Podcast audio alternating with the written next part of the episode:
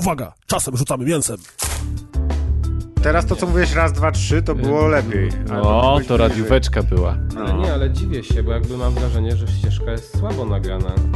Raz, dwa, trzy, cztery, pięć, sześć, siedem. O kurde, czekaj, bo, bo O, dryga, coś mi dryga. E, który to jest odcinek? 274. Dobrze, dzień dobry, tu 274 rozgrywka. Ja jestem Kas, a dzisiaj ze mną są Deusz Cześć. i Razer. siemano. E, Preza dzisiaj nie ma, Prez sobie wyjechał, olał nas, miał nagrywać, sami wiecie co z nim zrobić. W, po, po majówce wyjechał na majówkę. Tak, właśnie, No, ale to była on, ale zobacz, on był inspiratorem dzisiejszego spotkania, tak bardzo Mhm. mu się podobał ten termin, a tu nagle proszę, Ale wyjazd. właśnie, ja właśnie nie wiem jak w tym roku jest z majówką, bo dzisiaj nagrywamy to 4 maja i w sumie miasto wygląda tak jakby był pierwszy albo trzeci. E, Co najmniej. Bo Pogoda. ludzie, w, pół Polski wzięło urlop i są teraz gdzieś indziej. Tak, Tak. ja się zastanawiam, czy jakieś Wrócą zakład, dopiero w ja, jakie zakłady pracy dzisiaj pracują. Chyba tylko... Chyba Moja pod żabka działa. Pod, no ale to wiesz, no, żabka będzie działała w momencie Żabka, u wybuchu moja wojny. żabka pierwszego i trzeciego działała twardo. nie, działają, działają. Żabki w dniu wybuchu wojny atomowej będą działały. Będziesz No. tam amunicję kupował. Wprawdzie w skróconym czasie do 23, a nie do północy, ale E, będą. W ogóle mnie zaskoczyło. bo Ja do tej pory myślałem, że taki jakby po- portfolio, znaczy, że w żabki portfolio, albo można powiedzieć, nie wiem, w modelu biznesowym są duże miasta, a tutaj ostatnio mam wrażenie, że coraz więcej żabek widzę na wsiach. Nawet w Poznaniu pewnie jakieś. Tak skaczą. No, Po- no Poznań to jest przecież kolebka żabki. A tak? Ja nie wiedziałem. Oczywiście. Poznań to jest to miasto... Żabka jest z Poznania? Zobacz, żabka jest z Poznania, Lidma A ceny takie wysokie są. A, to by się zgadzało w No zgadza się. No i Biedronka Kroją też z na ludziach, jak się Proszę cię, człowieku, Dino też tutaj z Wielkopolski Dino? jest. nie ma chyba w. Krakowie Dino w ogóle. No Musi Dino być Dino jest- w Krakowie. Nie, Jest najwięcej Jest tysiąc, jest tysiąc. Dino w całej Polsce ponad Anime w Krakowie? sprawdzam. No, musisz Szybko sobie... sprawdzaj, my Dino. będziemy tutaj robili dobrą minę do złej gry, a ty sprawdzaj. Myślę, Macie- że cztery są. No nie ma. Maciek, Jak to? Maciek, ty jesteś Czekaj, Dino zaraz. dziewica. Po prostu. No Jeszcze nie ma Dino. byłeś. Jest pod Krakowem gdzieś przy jeziorze do Bo To to... w jakim sklepie ty robisz zakupy w takim razie, skoro Dino to jest jedyna polska sieć supermarketów? To najwyraźniej nie w polskiej, to wolę nie mówić, bo Ale wiesz, ale że, żeby dotrzeć do Dino, no bo Dino z kolei model biznesowy ma taki, żeby dotrzeć do mniejszych miejscowości, więc No rzeczywiście właśnie. w miastach jest, jest, jest ich mało. są wszędzie dookoła Krakowa, jak stonka, a Kraków się broni. Nie ma żadnego Dino na mapie zaznaczonego. W ogóle Oble, wszystko- oblężenie. Miasto oblężone przez dinozaury. No, no także bywa. W każdym razie, A w ogóle jakie polskie sieci sklepów, jak są nacechowane zwierzęco? Jest Żabka, Biedronka, Dino. Małpka była kiedyś jeszcze, ale nie tak, wiem. i to też, była, to też była marka żabki. Więc No, proszę wiadomo, że małpka to mał, marka żabki. No. Ale jaka ładnie się kojarzy dla Polaków ta małpka. No, no bo kupować małpki w żabce to średnio, a w małpce to co mam Powinni też zrobić, wiesz, takie swoje malutkie małpeczki z logiem. By Żab, piękne. żabki powinni zrobić, na żabkę wpadasz do O, żabki. właśnie, teraz już małpkę, małpek zakażą, to na I takie 80 ml w żabusie. I wiesz, Na przykład, a pół litra to będzie ropucha wtedy. Ropu. Ro, nie, ropucha to będzie taka w worku sprzedawana, jak kiedyś lemoniada. w woreczkach. będzie. A, czyli popro... kartonie. ale, jak, ale jak to pięknie brzmi, że poproszę dwie żabcie. No, żabciu. Dwie żabcie pigwowe. No. Ja się wcale, ja się wcale nie zdziwię, że i w naszym, wiesz, Sejmie opracują ustawę, w której będzie właśnie nie kwestia mililitrów, tylko nazwy, czyli zakazujemy małpek, no to żabka wykorzysta od razu i będą małe żabusie. Żaba Monika była przecież, to jest klasyczna Była. polska postać, Z więc będzie Mo- Kulfona. Monika, to będzie, wiesz, nie wiem, jak- jakiś tam super Ale to smak też, albo ale zobacz, nie, jak to minęło. W ogóle teraz dzieciaki nie znają tego. To już jakby jest tak passe. Skandal. Ja Ciekawe czemu. Odpal jakiś odcinek na YouTubie Kulfon i Monika i się zorientuj czemu to jest pase. Wiesz co, to na tej No samej niesamowite zasadzie, czemu to jest na tej samej zasadzie Robimy konkurs z nagrodami w komentarzach. Czemu Kulfon i Monika jest już pase? Tylko, tylko mądre argumenty. Ale to wiesz, to trzeba, ale to za- uprzedzamy słuchaczy, że to trzeba obejrzeć tam Wiesz co, kiedyś był taki żeby- ten, kiedyś był taki program Sonda, ale to tam się kurczę, jakby wszystko się zdezaktualizowało już, jak to się teraz ogląda. Jak to? Na pewno nie. No może nie wszystko, ale pewnie Pamiętam, jak tam płytę CD pokazywali. No, a w kosmos leciała I już nie winylowa. ma płyt CD. No. Tak samo powiem ci, że nowe pokolenie nic. kompletnie zero. Reksia, zerowa wiedza o A uniwersum zobacz, Reksia. a, ale mój kochany, zobacz sobie to. My też nie jesteśmy pokoleniem Reksia, a jednak znałeś Reksia, widzisz? Y, no, Ja oglądałem Reksia. No właśnie. Ja też Więc dlaczego mieliby Kulfona i Moniki nie oglądać dzisiaj? No, Na tej samej zasadzie jak my Reksia. Ja będę na Kaza głosować jednak. On przywróci Kulfona i Monikę Tak, z powrotem. y, nie, nie mówiąc o, Do nie mówiąc lektur o, obowiązkowych. nie mówiąc o tych wszystkich włoskich, y, e, ani, ten, włoskojęzycznych anime, które tak naprawdę y, A, leciały no nas w tak. latach 90., a były z lat 60. czy 70. Tak, tak. No czy to akurat 80., jeszcze... tak samo, 20 lat później. To Tak, w sumie Kulfon to- i Monika powinni teraz swoją młodość No przeżywać. tak, długo. oczywiście. Renesans. Powinna być taka dla hipsterów, że oni to oglądają, ale ironicznie, tak? Czy- Ale Albo właśnie nie tak, ironicznie. tak, nie dobrze, no widzicie, od, w sumie od czego nam zeszło? Od tego, że pres wyjechał, nie? Bo on jest taki Kulfon. Ciekawe, czy na tym wyjeździe będzie jakaś Monika. No właśnie. O Jezu.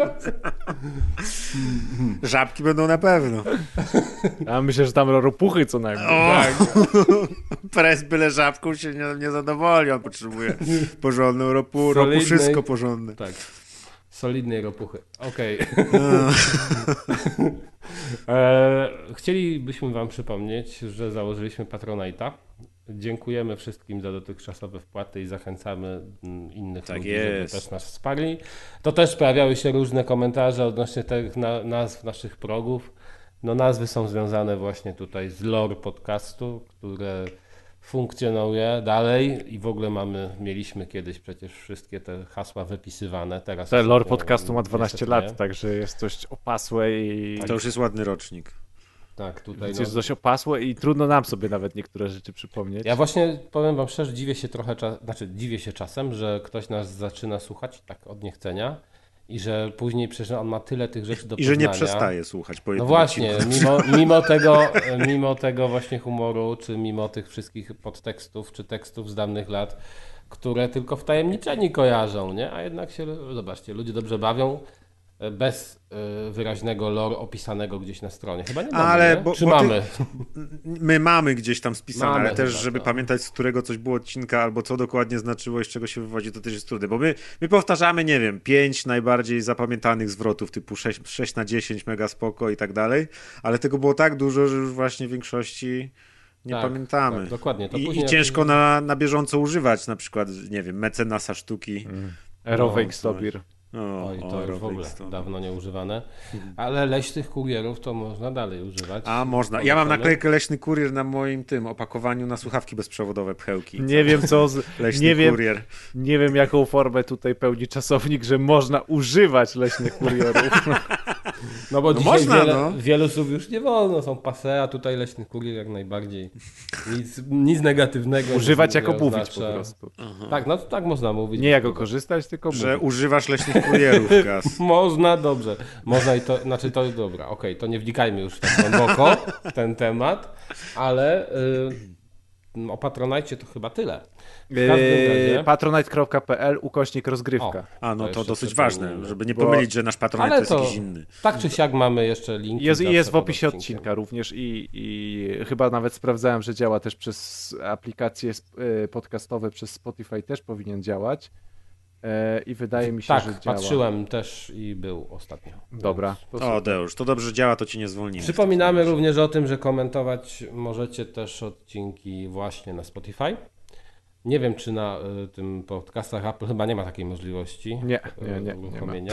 Bez nadzieja. Niestety. Natomiast pa- pamiętajcie też o pozdrowieniach. Zawsze też pamiętajmy o tym, że jeżeli pozdrawiacie, to zaznaczcie to odpowiednio w komentarzu na stronie internetowej. A na jakiej stronie internetowej? No, rozgrywka podcast. Nie, Ale nie, Nie. pamiętam. O nie! rozgrywka. Rozgrywka kropka online. online. O widzisz, kurczę. To się nazywa. Udało dopiero mi się go wepchnąć po robić autobus. sociale. Dobrze. Social Ninja i do przodu. Dobra, jedziemy sobie z newsami, y, więc... y, Trochę mamy newsów, widzę- jestem ciekawy, które wpisał Mamy. press, zanim zdecydował, że go nie będzie na nagraniu. Poprosiłem Deusza o przeanalizowanie i Deusz stwierdził, że o każdym coś może powiedzieć. O, Deusz. Tak, ja o każdym mogę coś powiedzieć, więc mogę poprowadzić tą sekcję newsów przez ten Proszę majowy bardzo. weekend. E, Pierwszy to nawet chyba ja kiedyś tam dopisałem. wyszło Star Wars Jedi Survivor, które ocalały chyba po, polski podtytuł w polskiej dystrybucji jest, o. czyli druga część, druga część z tego nowego cyklu. No i gra zebrała całkiem całkiem w sumie jak, jako, jako recenzje recenzentów e, są całkiem nieźle, ogólnie podsumowując i jakoś agregując e, ogólny głos internetu, ale jeśli chodzi o recenzentów. Natomiast e, no, na grę runęły bardzo negatywne recenzje e, graczy. E, gra na Steamie ma negatywne recenzje ma na Steamie. Konsolowi gracze również narzekają, ponieważ optymalizacja gry leży, leży, kwiczy i się nie podnosi, ponieważ e, to jest kolejna gra, która mm, bez względu na ustawienie graficzne e, ma problemy z optymalizacją, e, które jakby nie wynikają z tego, jakim sprzętem dysponujemy i na czym gramy, tylko po prostu nad ogólną optymalizacją gry, która nawet na najlepszych konfiguracjach potrafi E, potrafi sprawiać dość, e, dość znaczące problemy. Problemy są również na konsolach. U nas grę recenzuje nasz Majówkowicz, który właśnie popija jakąś ropuchę z Moniką. E, I, i, recenzję, I recenzję na pewno nam przedstawi swoją. Wiem, że on jest fanem z, z serii Star Wars.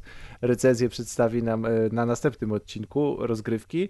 Natomiast no, warto odnotować, że E, że no wychodzi kolejna gra w tym roku, e, kolejny duży tytuł i kolejny duży tytuł od startu zmaga się z, no, z dużymi problemami e, optymalizacyjnymi.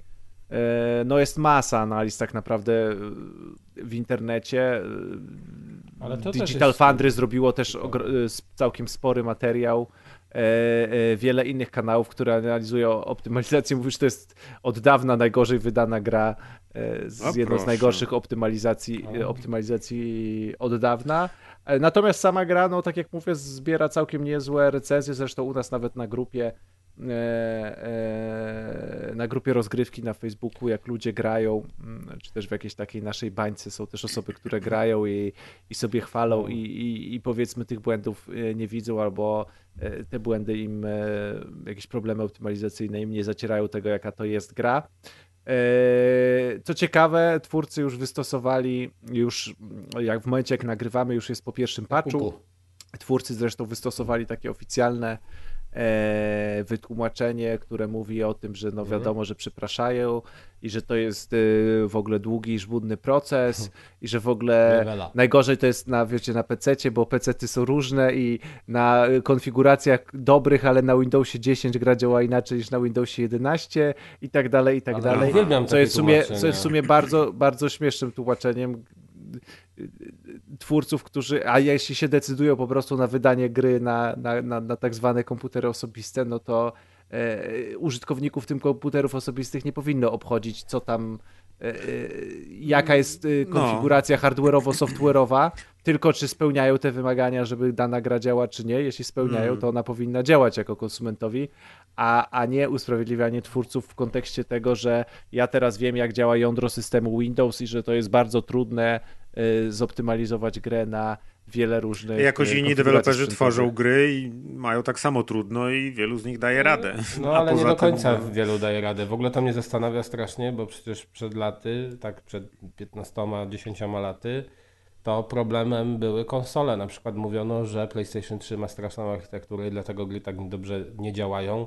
Za to Xbox jest zbliżony do PC-ta i na PC na Xboxie gry dobrze działają, bo właśnie są z myślą o PC-tach pisane, a tutaj wychodzi, że jednak dzisiaj PC-ty są tu problemem. Gra nie działa ani tu, ani tu dobrze, nigdzie. Tak, więc po prostu jest to rewelacja, no nie po, wiem, nie po, wiem. Po pierwsze fajnie, że wydali grę, która jest niezoptymalizowana, czyli jeszcze jej nie skończyli, a po drugie w takim razie bardzo fajnie, że ci wszyscy, którzy twierdzą, którzy wystawili takie pozytywne oceny typu 8 na 9, 9 na 9, na 10 i nawet tu jest Gaming Age dało 100 punktów, tej grze, czyli to jest gra idealna i perfekcyjna, no to ciekawe, jak mogą tak robić. Wiedząc jak ta gra działa. Nie wiem.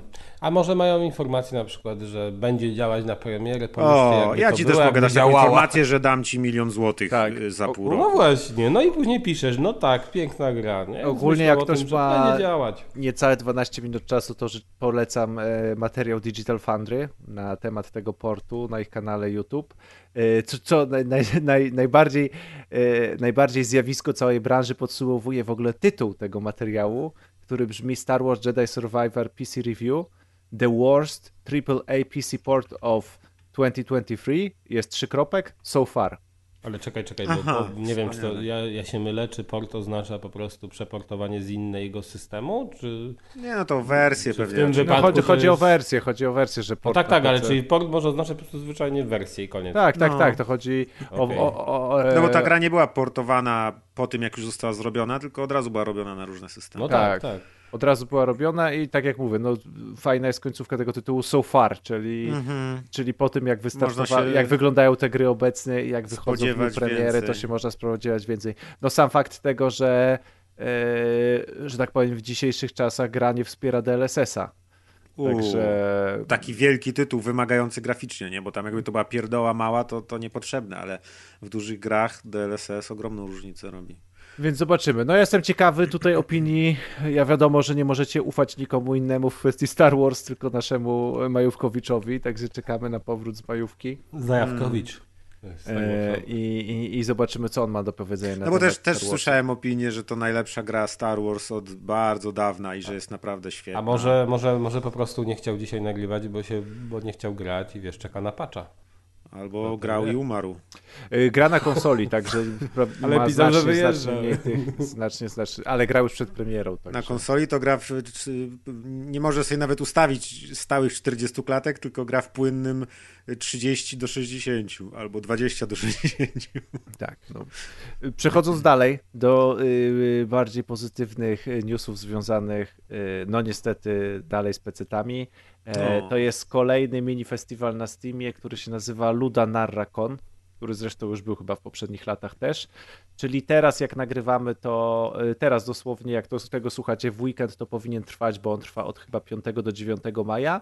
Yy, To jest festiwal, który dotyczy tylko i wyłącznie gier story, driv- story driven, czyli gier narracyjnych i między innymi e, oczywiście będą dostępne tam w okazyjnych cenach te gry wszystkie narracyjne i, i jest parę ciekawych tytułów, natomiast to co jest istotne będzie też e, kilkanaście dem i najważniejsze, że będzie demo e, The, Invinci- The Invincible, czyli niezwyciężonego, którego robią Eleven Bici na podstawie opowiadania Lema.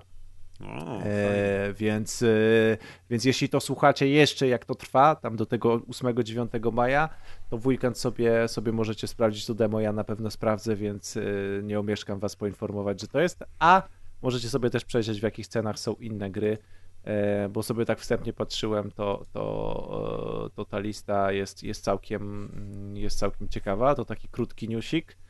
E, Natomiast jeśli chodzi o, o, o kolejne rzeczy, to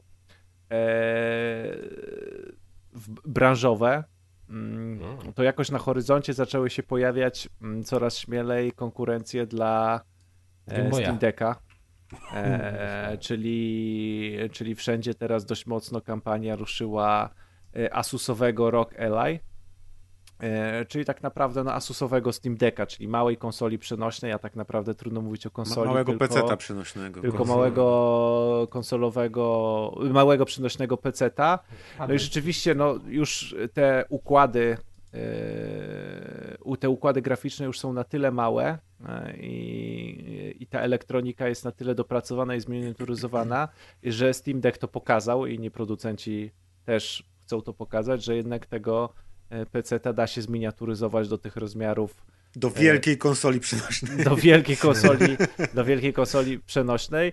No tam specyfikacje, jak się ktoś zna na specyfikacjach, to, to wygląda nawet znacznie lepiej niż, e, niż Steam Deck. E, Co ciekawe, e, co ciekawe, również jakieś inne firmy, jak mało mi znana firma AOG Zoe pokazała również swojego, mm, również swoje dwie konsole przenośne e, które też będą miały premierę, które też już mają na papierze, e, wyglądają lepiej niż e, Steam Deck. Zakres tych mini komputerków, czy tam mini przenośnych komputerków do grania cenowy no jest spory, bo to są okolice tam 700 euro się spekuluje e, około 700 euro, więc całkiem sporo. No natomiast i Steam Deck to pokazał, że te gry mogą działać i tu producenci też zapewniają, no, że te gry, nawet te najnowsze, najnowsze tytuły, jakieś Elden Ring, Forza Horizon, e, bez problemu w tych rozdzielczościach HD lub Full HD potrafią na tych urządzeniach działać e, e, pod te 60 klatek, więc, więc ciekawą stronę idzie ten, idzie, idzie ten rynek konsol przenośnych, gdzie konsole przenośne trochę umarły, a, a, a na ich miejsce chcą wyrosnąć, przynajmniej producenci chcą, żeby wyrosły przenośne, e, przenośne pecety. Ja no, tego do końca nie widzę. Powiem to rzeczywiście... bo... Nie tak, Czekaj Maciek, tylko no, jedną rzecz no, chciałem, bo też chciałem dopytać. Czy to nie jest też tak, że na Steam Decku na przykład są specjalne, nie wiem, łatki do gier? Nie. Czy specjalnie dostosowane sterowanie, czy specjalnie optymalizacja zrobiona pod ten konkretny sprzęt? A, a właśnie nie jest trochę tak? To nie, no, zebrali, znaczy, zebrało właśnie... się trzech specjalistów, żaden nie ma Steam Decka i ten mi się wydaje, że... że... Wydaje, ale ja grałem, ja grałem na Steam Decku. Ja też. No. W sumie ja też, zaraz, ja też grałem. Ej, no właśnie, grał, no, każdy grał na Steam Decku. Nie no, ale od, w sensie... W sensie chodzi mi o to, że teraz masz kolejne konfiguracje i nagle się pojawi 30 takich mini konsolek, a y, nie będą producenci czy nawet pasjonaci wypuszczać wielu takich łatek czy optymalizacyjnych patchy do y, konkretnych tytułów, jak to robią przy Steam Decku. No nie wiem, nie widzę tego, powiem szczerze. Yy, tak, tylko że jakby cały, cały pic tych urządzeń polega na tym, że one bazują na podobnych architekturach. Na przykład na tych y, procesorach, na tych procesorach no tak, ale Ryzena, ma, masz, masz na przykład o. i na Windowsie, nie? Więc teoretycznie tam odpalisz każdy tytuł, nieważne czy on Ale tak, ale były te specjalne łatki, czy jak to tam nazwać, nie wiem, które na przykład, że powiększały tekst do Aha, większych no, okay. rozmiarów. No było coś takiego, no to to było chyba typowo do Steam Decka, czy Tak, nie? tak, tak. No w sensie, jeśli chodzi o to, to, to jakby to rzeczywiście... No właśnie, jakieś takie drob, drobne takie rzeczy, też właśnie to chciałem powiedzieć. Że Natomiast cały, cały szkopuł leży w tym, że te konsole mają odpalać wszystko z peceta, tak, że to ma Aha, no czyli będą być przenośny PC, no, czyli będzie ma... pewnie, na, no wiesz, no nie wiem, ale to... To mają być maszyny do grania we wszystko, sam Steam Deck też jest tak hmm. naprawdę maszyną do grania no tak, tak. we wszystko. To że, wie, to, że mamy jakiś patch, żeby skalować interfejs, to tak naprawdę w samych opcjach obecnie do, dostosowywania gier w tych takich opcjach dostępności, tak po polsku się to nazywa, mm, też wiele tak. tytułów ma już zwiększanie interfejsu dla osób, które tam na przykład mają gorszy wzrok, tam zmiana kolorów dla osób. Nie, to na pewno, tylko wiesz, tylko akurat no to jest jednak zmiana, bo tutaj dopasowywanie do wielkości ekranu monitora, a dopasowywanie do wielkości ekraniku malutkiej przenośnej konsolki to coś innego, dlatego pewnie powstawały te dedykowane nie, takie malutkie. rzeczy, a tu, no nie wiem, jakoś wydaje mi się, że to może się wszystko obić o to, że i tak ludzie będą dalej tego Steam Decka y, brać. No nie wiem, yy, no, zobaczmy mi się wydaje, że po pierwsze, w sensie jakiś był powód, że też konsole przenośne tak naprawdę umarły. Znaczy e, one znaczy też... nie no, jakby zmieniły się w pewien sposób w hybrydę, jeżeli chodzi o Nintendo, a e, Microsoft nie miał swojej konsoli przenośnej. W zasadzie to umarło tylko to w przypadku Sony. No, no tak, to zrobiło hybrydę, no ale umarło podejrzewam też z takiego, z takiego powodu, że biznesowo się nie opłacało po prostu. tak, jakby, że te tytuły więc... po znaczy, prostu... smartfony zabiły przenośne konsolki. No, ale to różne tam są elementy. To też na pewno chodziło o to, że wiesz, przygotowanie teraz jednego tytułu na dużą platformę jest bardzo kosztowne, a jeszcze by mieli robić... Nie są w stanie zrobić na jedną dużą platformę wielu tytułów, przynajmniej ci główni producenci, znaczy przynajmniej Sony, a co dopiero jeszcze robić jakąś mniejszą wersję, czy inną wersję na przenośny sprzęt. To też mi Tak, się dlatego, dlatego ja się, wiecie, dlatego się zastanawiam, że wchodzimy z małymi pecetami, które są wielkości czterech konsol przenośnych, czy tam dwóch, no No właśnie, bo na, na to, też jest, na to i... też jest rynek, tylko na te, ten rynek jest, wydaje mi się, że w ogóle jeszcze mniejszy niż rynek komórkowy, nie? że tych użytkowników takich tak, konsol, tak, które tak. są niby przenośne, ale tak naprawdę duże i niezbyt poręczne, będzie jeszcze mniej. Jasne, rynek się stworzył, bo rzeczywiście te części, tak jak mówiłeś, już pojawiła się technologia, jakieś fabryki to robią. Najpierw wystartował powiedzmy Steam Deck, chociaż były tam jakieś tam inne konsole, też już takie duże, tylko może nie tak zintegrowane ze Steamem i nie odpalające wszystkiego z PC-ta, ale ten hardware się w końcu już pojawił, więc teraz jakieś firmy, tak jak mówisz właśnie, że nie słyszałeś o jakiejś takiej firmie y, AOK, Zoe, co jest pewnie jakąś chińszczyzną, ale będzie się teraz pewnie coraz więcej takich rzeczy pojawiać, bo te wykupują rzeczy z fabryk, części, sami składają własne jakieś marki. Tego Czekam... się zrobi pewnie dużo, tylko wciąż ten rynek wydaje mi się, że będzie jeszcze mniejszy niż zwykłych przenośniaków. Czekam na chińskie podróbki, takie na przykład z Lidla, mm, że wiesz, wbudowanych tysiąc gier i przypominające Steam Decka, no, to będzie piękne. No, to pokaże jego popularność. Chociaż... No zobaczymy jaka popularność w sumie, bo to przy najpopularniejszych sprzętach zawsze powstawało, więc... No, no a trzeba powiedzieć, no a Asus jest dużym gra, jak o ile tam no tak. i tych chińskich może być różnych rzeczy, natomiast no mhm. Asus jest już marką no tak, całkiem marką dużą, więc, więc, więc zobaczymy, czy to będzie duży flop, czy, e, czy nie. E, przechodząc do ostatniego newsa, żeby już nie przeciągać, e, po, przez 12 lat dyskutujemy o tym, czy konsole mobilne przetrwają, czy nie od pierwszego odcinka rozgrywki od PSP czasów, także żeby nie przeciągać tej rozgrywki na 13 rok e, istnienia naszego podcastu, to ostatni news, bo obiecałem informować o, oczywiście o sadze zakupu Activision, Micro, Activision Blizzard przez Microsoft. I takim najnowszym newsem z tego tygodnia jest fakt, że e, CMA, czyli po polsku to jest Brytyjski Urząd do Spraw Konkurencji i Rynków, e, wydał negatywną rekomendację, która blokuje przejęcie Activision Blizzard przez, przez Microsoft. Oczywiście sytuacja prawna jest na takim etapie, że teraz Microsoft się od tego może odwołać, co zresztą chyba już uczynił, a jak nie, to na pewno, na pewno uczyni. E, czyli mimo, że pierwsze plotki, już te ostatnie, ostatnie plotki, które się pojawiały e, w przeciągu ostatnich dwóch miesięcy, mówiły, że, że jednak te wszystkie organizacje się raczej będą skłaniały ku, e, ku popchnięciu tej transakcji i ku zgodzie na tej transakcji, na te transakcje, to tutaj jednak no całkiem spora organizacja, bo jednak reprezentująca rynek brytyjski i konsumentów na rynku brytyjskim, no, wydała tą e, negatywną rekomendację. O, oczywiście, z, jeśli chodzi o uzasadnienie decyzji, e, to jest e, decyzja związana jest z tym, że ten zakup może ograniczyć konkurencję oraz ograniczyć chęć do rozwoju technologicznego i inwestycji na terenie Wielkiej Brytanii. Tak jest w oficjalnym, mm, w oficjalnym tym dokumencie. E, więc, e, więc mówię, saga trwa. E, zobaczymy, zobaczymy co, co na to Microsoft. Oczywiście już tam w wywiadach się, się do, tego, do tego się odnieśli, że, że Wielka Brytania nie powinna wydawać takiego oświadczenia, no bo już, już i tak mają bardzo trudny rynek, w sensie już i tak mają te problemy, są ekonomiczne, E, związane z sytuacją europejską i z wyjściem ich z Unii Europejskiej, więc tak naprawdę zamykanie się na Microsoft e, to, to, to może jeszcze tylko pogorszyć tą sytuację ekonomiczną, więc, więc pewna delikatna przepychanka w mediach też się e, rozpoczęła. Zobaczymy, zobaczymy, co będzie dalej. O wszystkim będę w miarę próbował na bieżąco informować, jeśli czegoś, czegoś nie przegapię. Natomiast dramka, jak widzicie, trwa dalej. Hmm. No i pewnie jeszcze potka.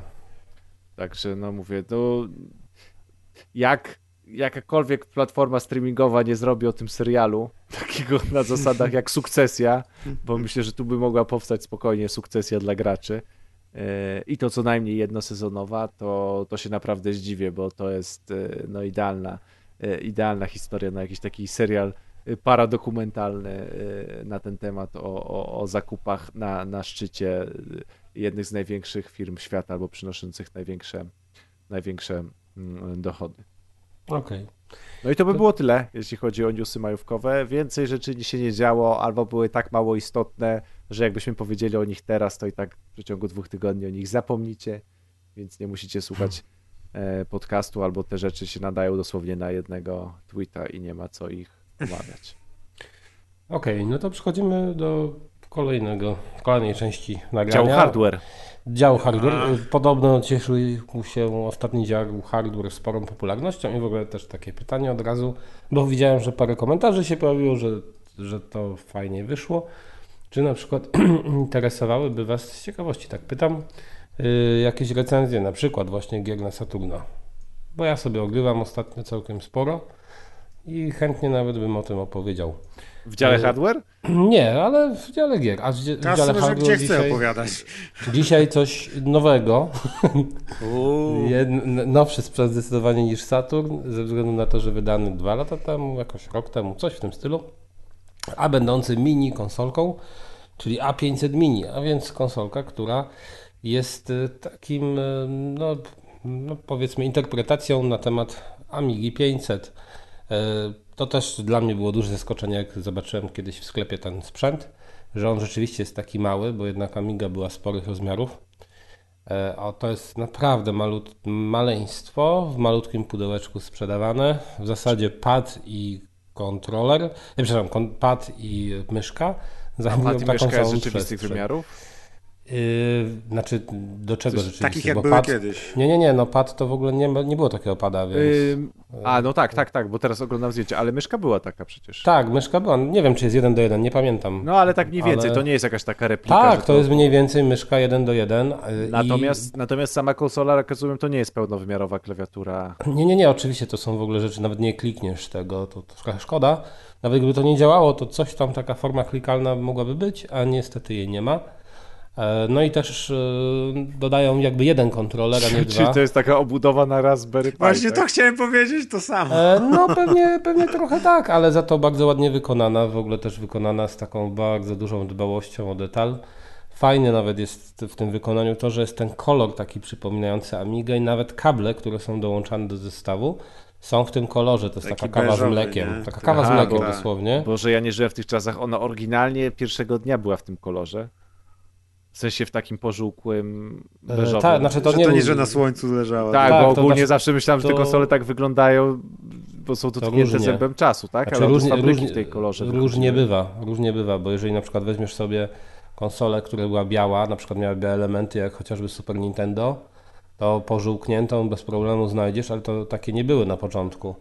A tutaj e, tu raczej ten, znaczy mówię, ja, pamiętam Amigę z takich e, urywków dzieciństwa, więc do koloru nie przywiązywałem większej wagi. Wydaje mi się, że to jest ten kolor, ale no Mhm. to trzeba by tak ocenić, pewnie jeden do jeden sobie porównać, jak wyglądają te A tu sprzęty. też widzę zdjęcia szarej wersji. Nie wiem, czy to jakaś wcześniejsza, prototypowa, czy coś, ale nawet podobno oficjalne Ale zdjęcie. ty mówisz o tym A500 Mini czy o A500? O A500 Mini. Aha, nie, to tu jest taka kawa z mlekiem. Mm, Nie wiem, no nie wiem, czy to dobrze widać na zdjęciach, ale w rzeczywistości, no moim zdaniem wygląda to świetnie. To, jest, to nie jest coś takiego jak szarość PC-ów, które pamiętamy też z lat 90. No to ale jest inny też kolor. były takie żółtawe. E, Też bywały, no też bywały. W każdym razie wygląda y, pięknie. E, Sam kontroler jest kontrolerem, który przypomina mocno pada do e, Amigi CD32. No właśnie, To wiedziałem, nie że jest to samo, to nie jest to samo, ale jest bardzo podobny w kształcie. Co ciekawe, on wygląda tak troszeczkę kosmicznie, jakby odwrócony. E, mm, dosłownie, dla mnie to tak zawsze się kojarzyło, że to jest taki odwrócony pad. Względem obecnych padów, powiedzmy, że jest Tak, taki tak, bumerang, ale do góry. Że chcesz, chcesz go chwycić po prostu jakby no, na, no Czy przestawić to, sobie nie, ergo, dookoła. a czy to jest ergonomiczne, to kciuki nie są w tym miejscu przypadkiem? Wiesz wtedy? co? ym, No bo jak oprzesz to na tutaj dole dłoni, to przecież masz kciuk za wysoko niż masz. E, No bo Moim to trzymasz zdaniem- wysoko w palcach, tylko nie opierasz tego na dole y, dłoni. ja sobie grałem trochę na tym padzie i moim zdaniem on jest wygodny. Bo się też się zdziwiłem. Jak mam oryginalny na przykład kontroler do, to może się zdziwią ludzie do SNESa, to moim zdaniem ten od SNESa na dłuższą metę to jednak no kuje w palce. E, A ten jest akurat tak wyprofilowany, że przy takich sesjach nawet y, około godziny no nie ma większych problemów. Nie czułem w ogóle y, jakiegoś braku wygody w tym kontrolerze, czy jakiejkolwiek potrzeby zmian. Więc pod tym względem całkiem. I nawet myszka, też bardzo specyficzna, taka amigowa, e, działa bardzo dobrze. Oczywiście nie ma tam kulki, tylko to jest e, to konstrukcja na bazie współczesnych myszek, e, tylko z obudową przypominającą Amigę. Ale przynajmniej ale... nie ma, ma tylko dwa przyciski, nie ma rolki w ogóle, więc jest Tak, dobrze. tak, ale sprawdza się dobrze i szkoda, że moim zdaniem te kable są jednak za krótkie, bo tutaj mamy cały czas konstrukcje kablowe. Szkoda też, że nie ma drugiego y, pada. No i też dla mnie osobiście szkoda, że nie ma joysticka, bo ja pamiętam Amigę głównie za sprawą grania albo na joysticku, nigdy na padzie, albo na e, klawiaturze, no czy tak. i, i myszce, nie? I tutaj to jest też problematyczne w niektórych grach, bo po prostu tej klawiatury fizycznie nie ma. A czy ta konsolka, od razu zapytam w takim mhm. razie, ma jakieś wejście USB, że można sobie podłączyć tak, inny tak, kontroler? Tak, można. Czyli teoretycznie jakiś joystick z AliExpress? Chiński... Nie wiem, czy joystick z AliExpress, ale czytałem, że kompatybilność jest dosyć spora. Ja akurat nie podłączałem żadnych zewnętrznych kontrolerów, e, ale podobno działa całkiem ok nawet z padami takimi nowocześniejszymi, jak chociażby od Xboxa. no to myślę, którego... że z jakimś joystickiem nie byłoby problemu. E, pewnie tak, zresztą ta sama firma przecież wydała C64 Mini, gdzie był joystick dodawany i właśnie rzekomo ten joystick jest kompatybilny w 100%. Tylko, że no ten joystick absolutnie nie przypomina mi tych joysticków, które ja miałem w czasach Amigi, to on zupełnie inaczej wygląda. E, no ale ta konsolka to jest dla mnie mega duże zaskoczenie. Po prostu jeżeli chodzi o taką warstwę już gameplayową, y, o same gry, ona jest olbrzymim zaskoczeniem, bo y, przez lata jakoś inaczej wspominałem gry z Amigi, niż one w rzeczywistości wyglądały. Bo ona I ma zawsze pre, preinstalowane gry, tak? Tak, y, ale I... właśnie zawsze z nawet emulatorami Amigi był problem. Tam wchodziły kwestie jakichś Kickstarterów, to nigdy nie były tak, taka prosta emulacja jak w przypadku innych emulatorów, że wgrywasz sobie pliczek z grą i ci działa.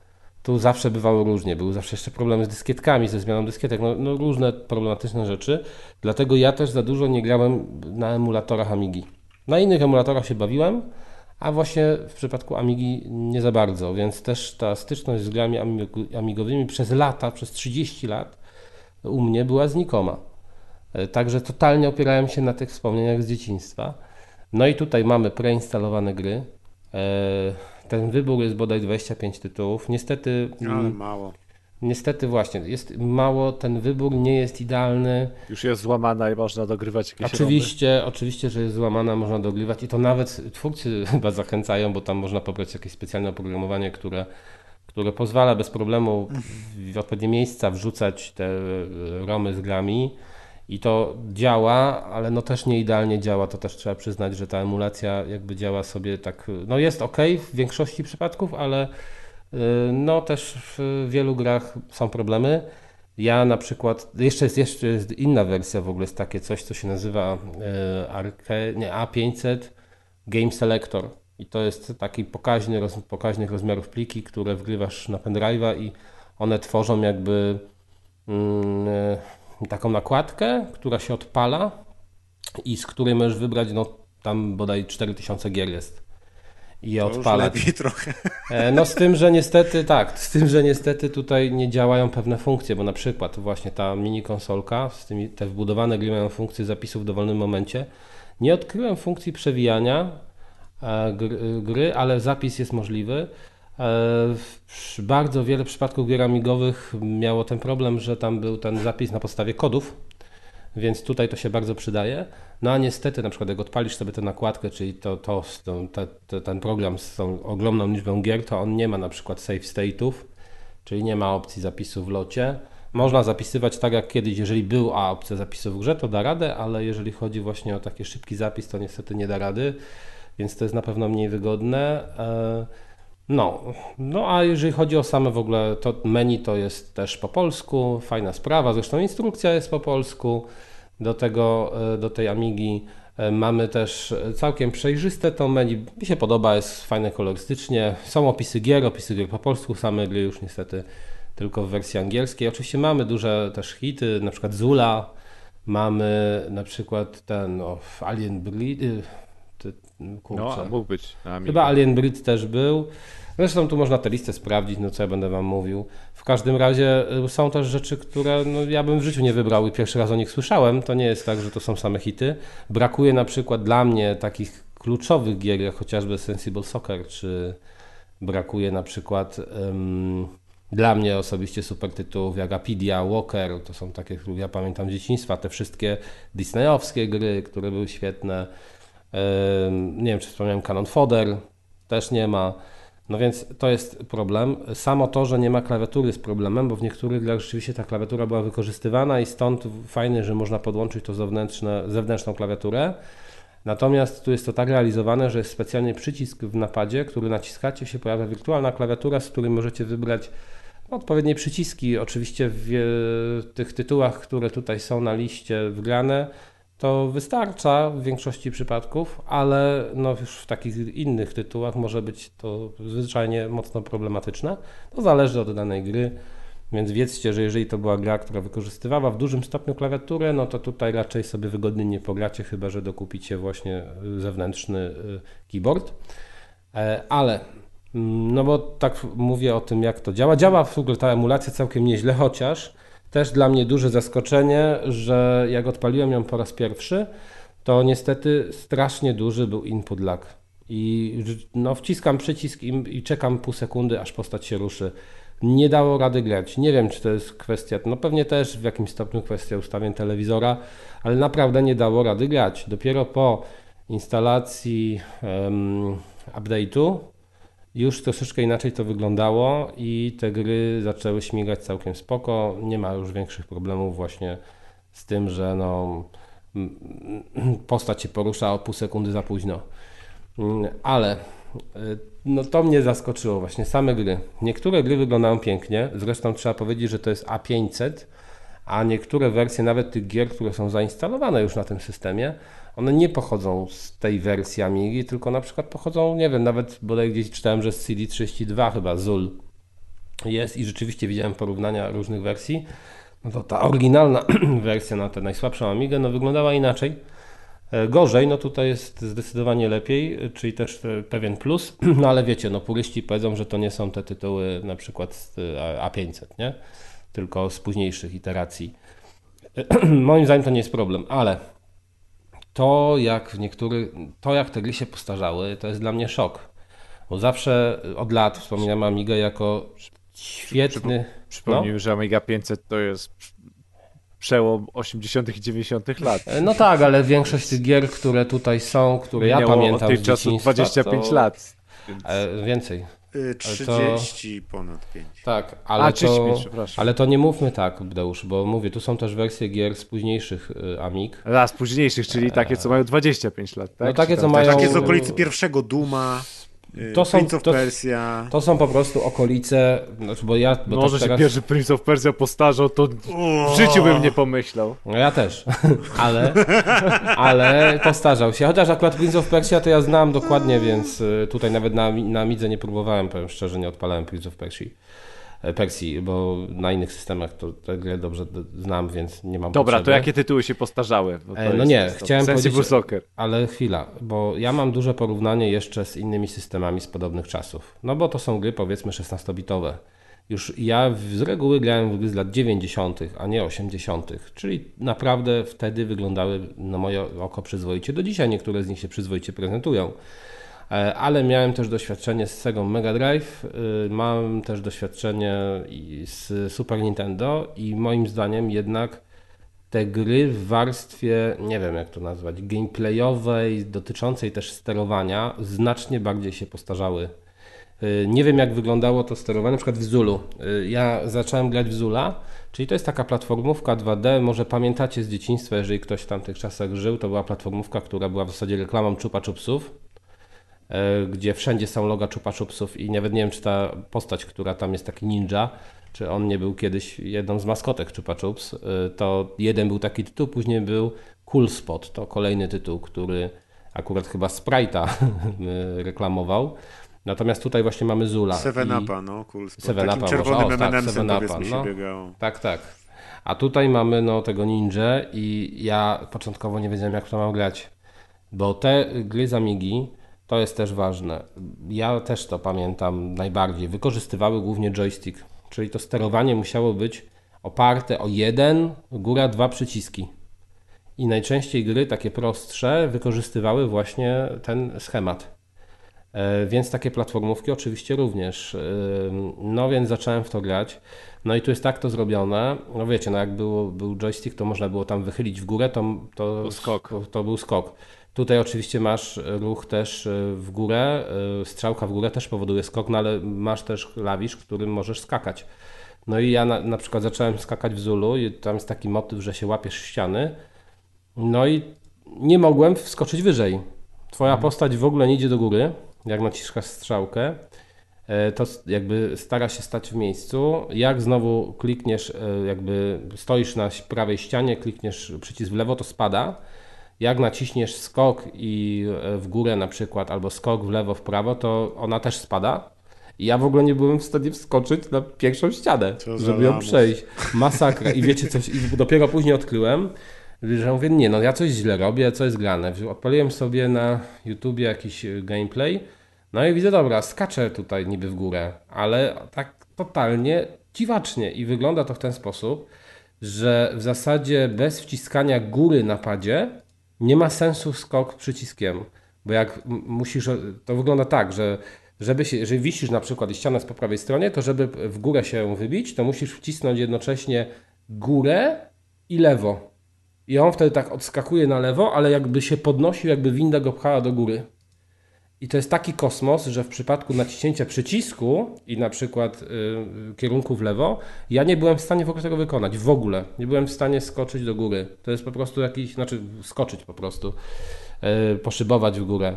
Dopiero kiedy wyczaiłem, że aha, no dobra, to trzeba jednak robić tym klawiszem y, strzałka do góry, to wtedy już szło lepiej. I wiem, że na joysticku mogłoby to wyglądać kompletnie inaczej, byłoby to bardziej precyzyjne. Tutaj to jest po prostu dziwaczne, kosmiczne.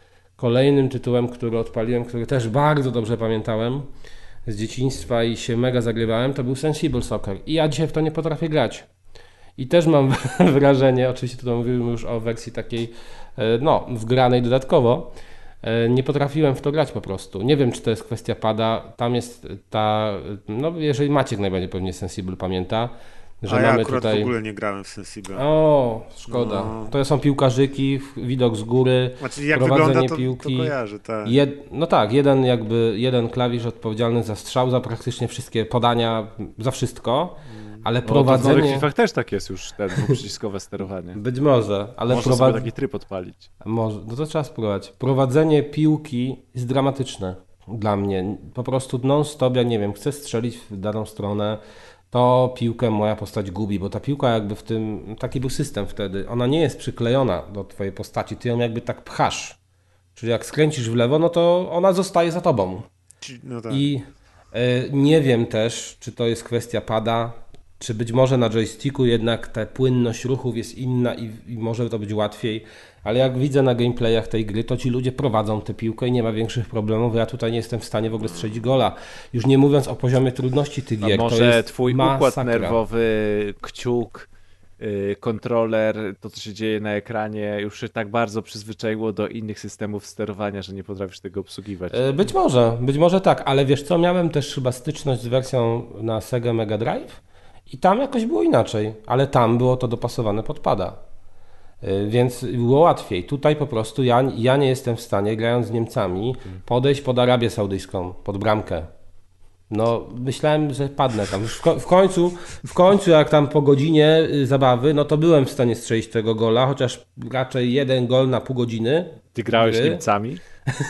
na przykład, no wziąłem jakiś dobry zespół, nie? Bo tam są różne wersje tego Sensible, na przykład niektóre tylko Nie, nie ma Polski? No jest Polska, jest nawet przecież tutaj e, i to w ogóle te składy przez Sensible był znany z tego, że niektóre wersje tej gry miały na przykład Polską Ligę drugą, Polską Ligę trzecią, Polską Ligę i te wszystkie zespoły, te, te wszystkie postacie, które tam były, były rzeczywiste. I na przykład u nas są e, Wojciech Kowalczyk, możesz sobie pograć na przykład No i czemu nie grać Kowalczykiem?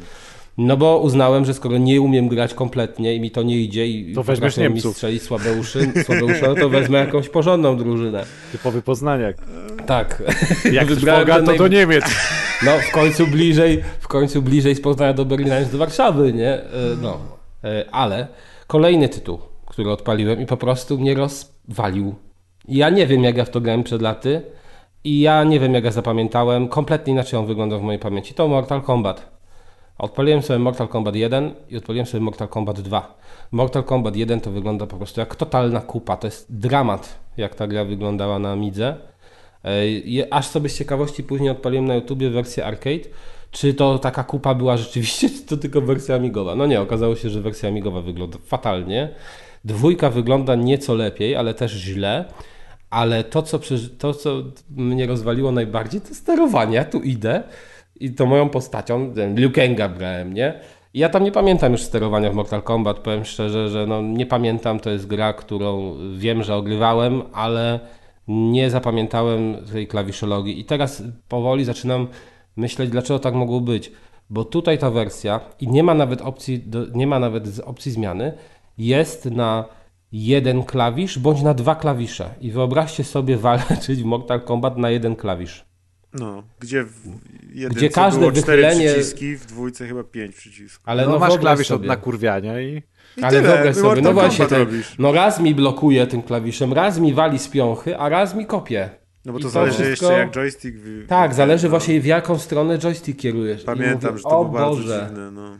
Ale myślałem, nie wiem, też jakoś wydawało mi się, że było więcej tych przycisków i zacząłem szukać w opcjach w tych dwóch grach, czy jest możliwość ustawienia jakby większej liczby. Okazuje się, że tylko jest opcja na jeden bądź na dwa. Czyli wziąłem instrukcję gdzieś w sieci i wszędzie wiesz, tylko dany ruch w prawo, lewo i fire. Lewo, prawo i fire. I każdy to jest po prostu kompletnie inna, inny cios. No nie da, ja nie byłem w stanie w to dłużej pograć. Więc mnie zaskoczyło to mega negatywnie. Yy, z kolei w to, co dałem. O, Lotus mnie zaskoczył. Lotus uwielbiałem tę grę, całą serię. I też w mojej pamięci jakoś było tak, że w każdej tej grze można było odpalić muzykę podczas jazdy. A tu się okazuje, że to wcale nie była prawda. Na przykład w Lotusie 2 jest ta świetna muzyka w, na intrze, ale później podczas gry muzyki nie ma. jest w niektórych nawet wersjach podobno nie było, to zależy też od tego, jak mieście rozbudowano Amigę, nie było yy, w ogóle nawet odgłosów silnika. Więc dziwacznie się gra. Mimo, że gameplayowo cały czas jest nieźle, to mówię, to był dla mnie jakiś duży szok. W trójce już można sobie włączyć y, radio, y, ale no mówię, to takie coś też mnie zszokowało. Y, co jeszcze, co ogrywałem i co mi się jeszcze podobało, to na pewno Canon Fodder. Canon Fodder cały czas dobrze działa. Też jakoś inaczej zapamiętałem w sensie sterowanie na myszce, ale da radę i i się sprawdza i ta gra daje dalej duży fan. Nie postarzała się wcale tak mocno. I chyba mój ulubieniec, też w dzieciństwie jedna z moich ulubionych gier, to Walker. Walker działa, znaczy Walker, i tu też jest niestety ten problem, że w zależności czy wgracie te gry przez właśnie mm, jakiś emulatorek, czy przez ten, tę nakładkę, która ma wbudowane te tysiące gier, to ma duże znaczenie, bo niektóre gry w wersji przez zwykły emulator po prostu dobrze nie działają, a inne z kolei w tym systemie nie działają dobrze, więc trzeba kombinować. I na przykład Walker w jednej wersji w ogóle nie działała myszka, a tam w tej grze no, trzeba sterować myszką, a w tej drugiej wersji już działało i to jest gra, w którą można po prostu do dzisiaj pograć i się świetnie bawić. No rewelacja, po prostu nic się nie postarzało. Dziwię się, że nie ma tego typu tytułów Oczywiście tutaj no niestety bez myszki to ani rusz ciężko będzie to napadzie ogarnąć, e, jeżeli chodzi o na przykład dzisiejsze konsole, ale na PC, taka wiesz, indie gra w tym stylu, to jest mm, taki mech i tym mechem się idzie w lewo i ma się celownicze, którym się steruje myszką i się rozwala małe ludziki, które non stop lecą, czy, czy same z jakimiś bazukami, z karabinami na ciebie, czy też samoloty, pociągi, samochody, czołgi, to wszystko rozwala, że jest super i w to się gra świetnie. Y, odpaliłem sobie jeszcze to disneyowskie, na przykład Aladyna. Y, też w zależności od wersji różnie działał, ale też znalazłem taką, która jest ok i w to się dalej fajnie gra. Oczywiście te gry Disneyowe, te Virgin chyba produkował te gry swego czasu, Virgin Interactive, no to one mają to do siebie, że tam detekcja kolizji zawodzi, że czasami wydaje się, że wskoczysz na daną półkę, a jednak się ten twój Aladdin tego nie chwyci. E, czy Król Lew, właśnie to w Królu Lwie chyba więcej było z tego skakania, gdzie Simba się chwytał półek jakichś skalnych i musiał na nie się wdrapać, to czasami można nie trafić.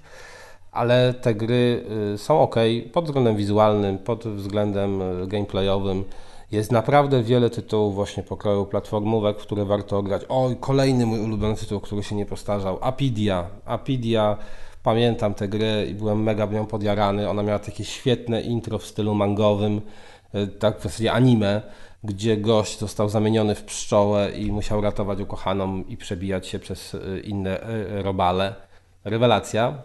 E, polecam. I właśnie dużo takich shooterów na Amigę jest 2D e, scrollowanych, które cały czas prezentują niezły poziom.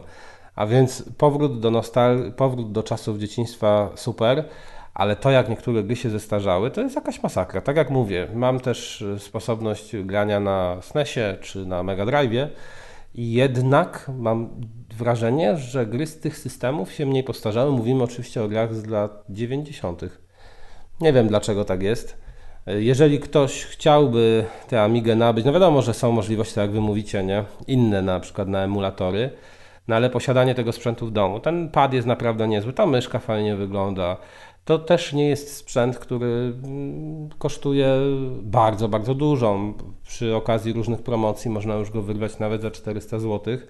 Pada drugiego też można sobie dokupić, są y, wersje chyba w, kolor, w kolorze akurat czarnym, ale są w okolicach 100 zł.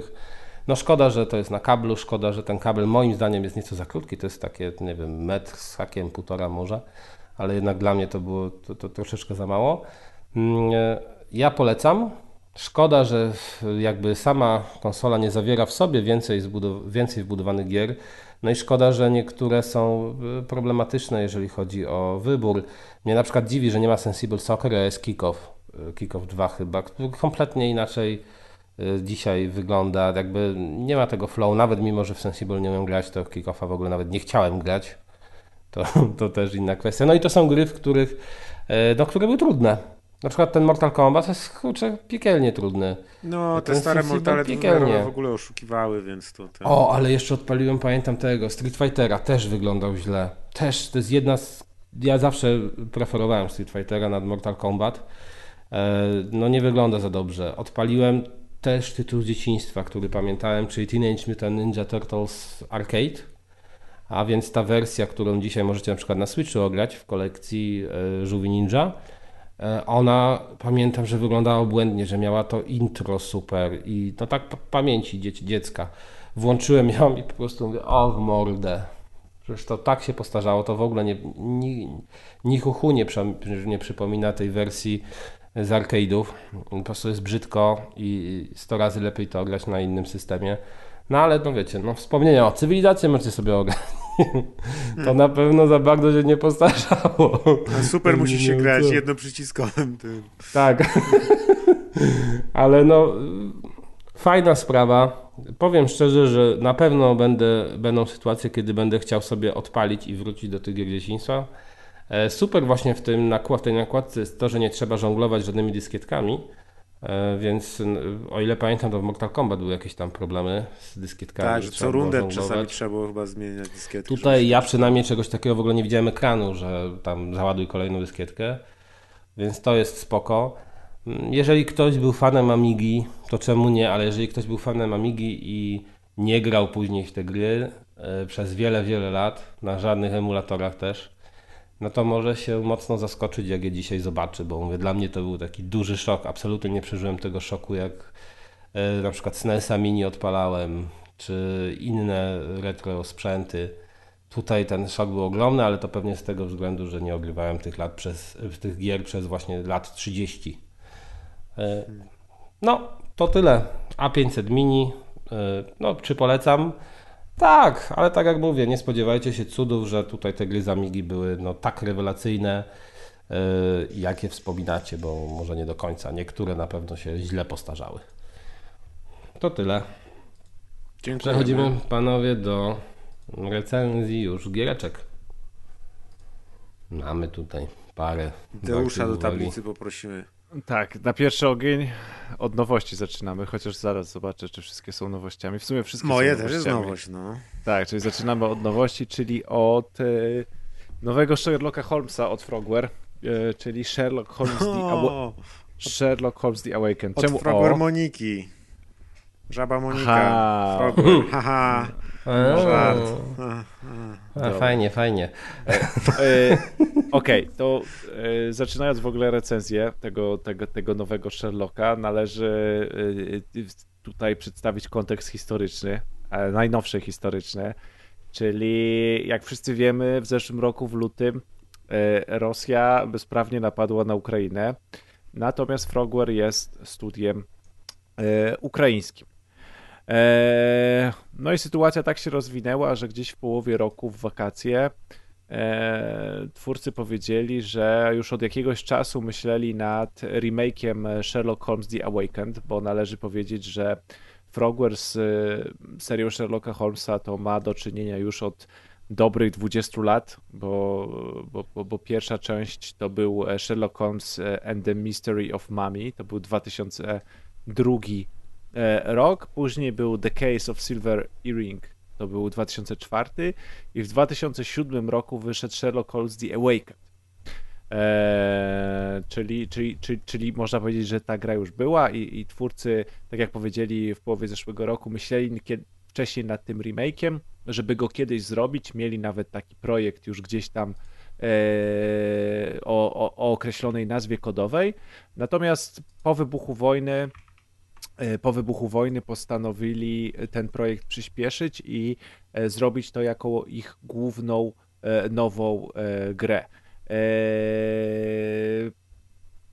Ponieważ główny powód był taki, że, że prace nad tym tytułem po pierwsze mają już jakby gotową strukturę gry, mają gotową fabułę, mają gotowe zagadki, więc mogą zaadaptować całą swoją technologię E, którą, którą, którą używaj, u, użyli do poprzedniej gry, czyli do Sherlock Holmes Chapter 1. E, I na podstawie tej technologii i już e, opracowanemu jakby te, temu takiemu trzonowi gry, jeśli chodzi o fabułę i zagadki, mogą w dosyć stabilny sposób wyprodukować nowy tytuł, no, który tak naprawdę może im zapewnić ciągłość trwania, ciągłość finansową, ciągłość wydawniczą i wszystko to, co jest związane z biznesem. E, dodatkowo do gry wystartowała w lipcu e, kampania na Kickstarterze, która oczywiście została szybko sfinansowana. I co ciekawe, teraz w kwietniu 2023 roku dostajemy ten e, tytuł wydany. Więc tak naprawdę zauważcie, jak szybki cykl produkcyjny mamy tutaj do czynienia, gdzie gra, która miała jakąś nazwę kodową w połowie zeszłego roku mm. i po wybuchu wojny, załóżmy, póki się studio ogarnęło, minęło kilkanaście miesięcy i tak naprawdę w połowie wakacji ogłosili, że dobra, robimy to, zbieramy dodatkowe fundusze na Kickstarterze i tak naprawdę po niecałym roku mamy już grę. E, gotową grę, która działa, nie ma błędów, wink wink EA, I, i, I nawet w takim klimacie, gdzie, gdzie, studio mamy, gdzie studio mamy ukraińskie, i nawet w takim klimacie mamy e, zrobioną e, grę. Tak jak już wspomniałem, jest to remake tego Sherlocka Holmesa z 2007 roku, ale jest to taki remake pełną gębą, czyli nie został użyty jakikolwiek stary kod, nie zostały użyte jakiekolwiek stare asety, tak naprawdę pozostawiono tylko taką główną oś fabularną, pozostawiono część zagadek, ale sposób rozwiązywania zagadek,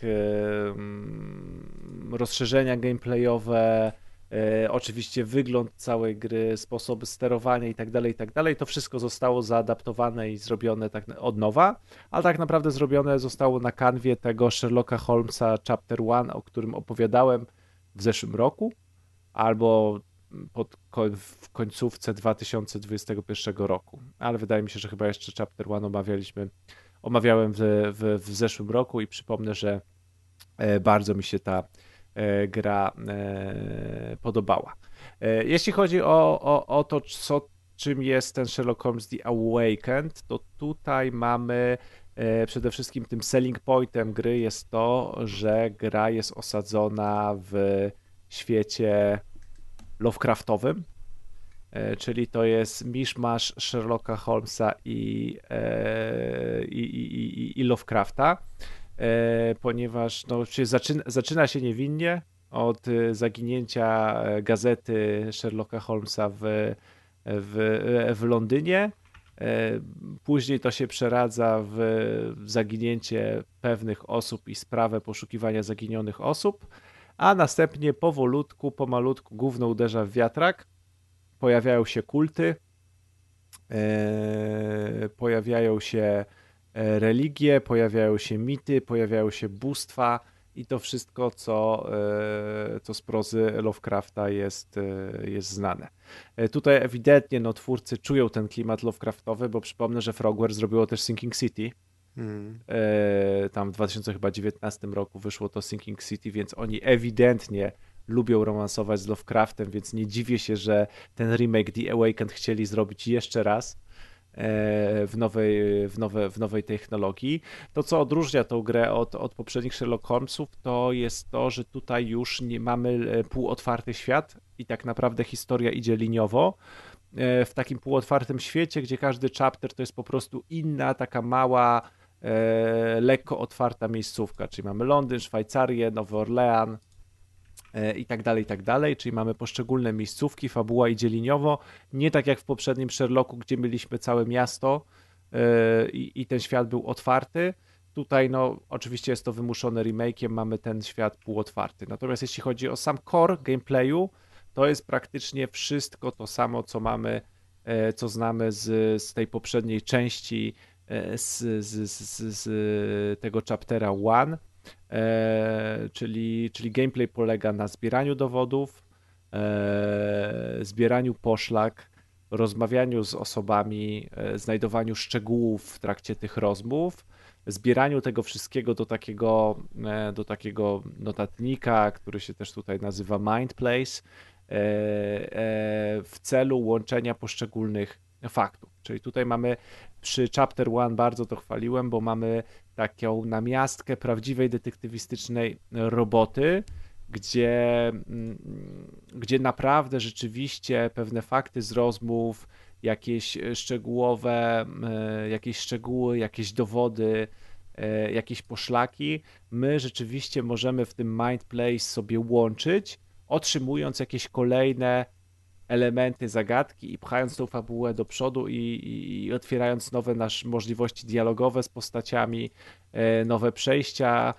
E, I tak naprawdę ta robota detektywistyczna jest, jest super, bo e, ona nas przede wszystkim popycha do znajdowania tych szczegółów i do,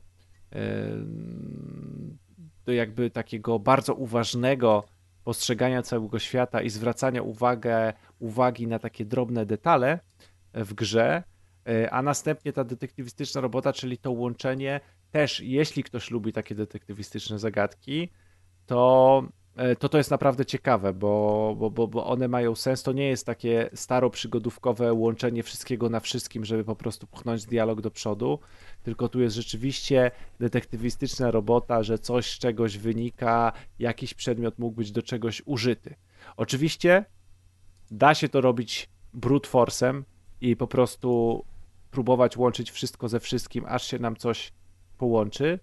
Natomiast jeśli ktoś lubi e, lubi sobie pomyśleć i lubi porozwiązywać zagadki, to sam fakt wpadnięcia na coś, że dana osoba mogła coś zrobić albo wynieść z tego korzyść, więc pewnie zrobiła to.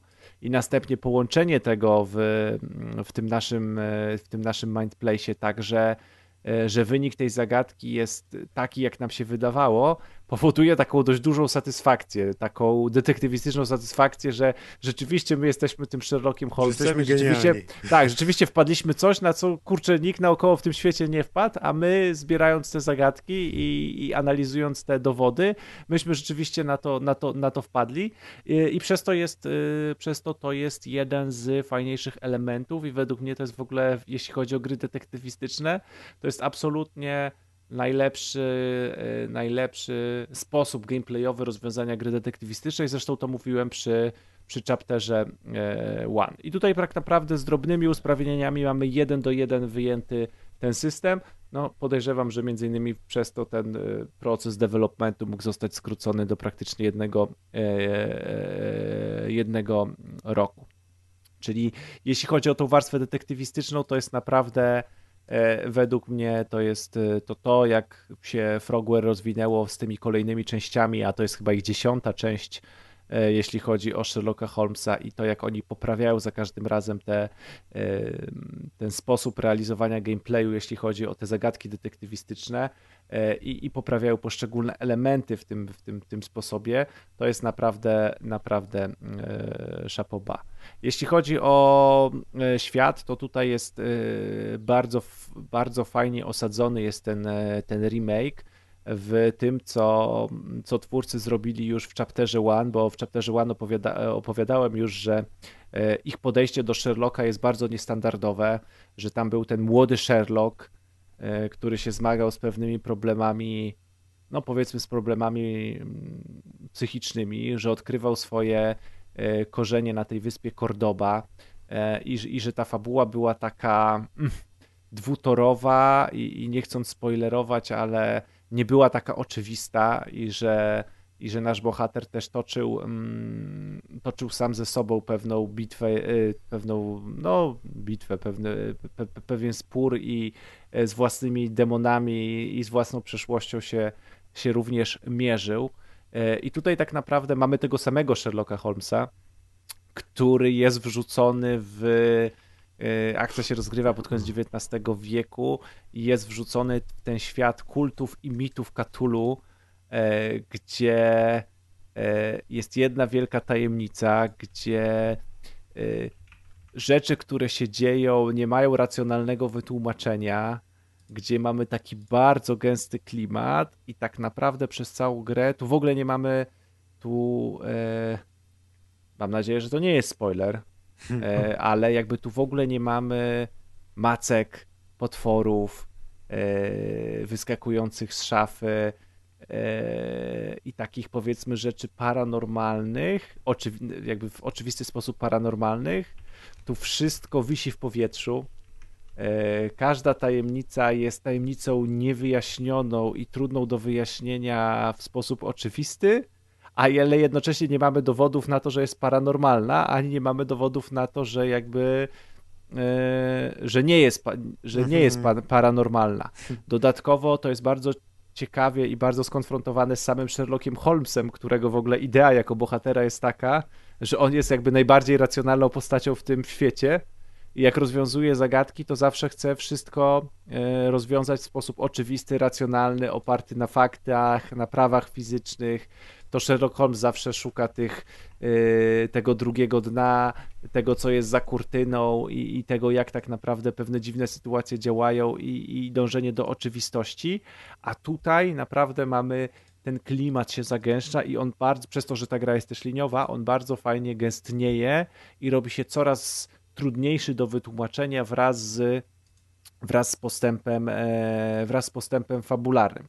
Dodatkowo E, przez to, że ten Sherlock sam ze sobą się z, z pewnymi rzeczami zmaga, mamy również takie sekwencje halucynogenne, które również nam podważają jakby to, czy, czy te rzeczy mają podłoże paranormalne, czy nie mają podłoża paranormalnego, ale jednocześnie to są pewne halucynacje, więc to również nam tutaj komplikuje całą sytuację.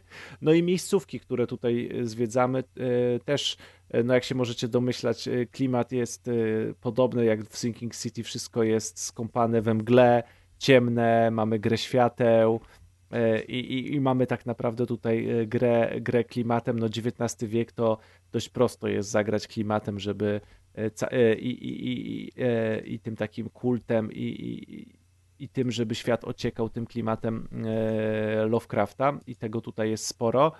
No oczywiście to jak we wszystkich grach Frogware, o ile te miejscówki jeszcze wyglądają całkiem ok, Oczywiście nie jest to poziom gier AAA, tego się należy jakby spodziewać. O tyle no już tam postacie, to już takie te e, postacie to już wyglądają jak w grach sprzed dobrych kilku lat, tak? Tutaj technicznie ta gra nie wygląda za pięknie, natomiast też nie jest źle, to nie jest tak, że to wszystko kuje w oczy i, i przeszkadza się wczuć w tym klimat gry, bo naprawdę przy niektórych miejscówkach to, e, to jest naprawdę klimatycznie. E, dodając do tego muzykę, całą oprawę taką e, audiowizualną, to, to potrafi być naprawdę, naprawdę klimatycznie. Oczywiście przy tych dialogach, jak widzimy te postacie, to zdajemy sobie sprawę z tego, że to jest tytuł trochę mniejszy, z, z, trochę mniejszym budżetem i że to nie jest taka typowa produkcja A, natomiast rzeczy, naprawdę to, to, to w tym klimacie ginie i, i jest niezauważalne.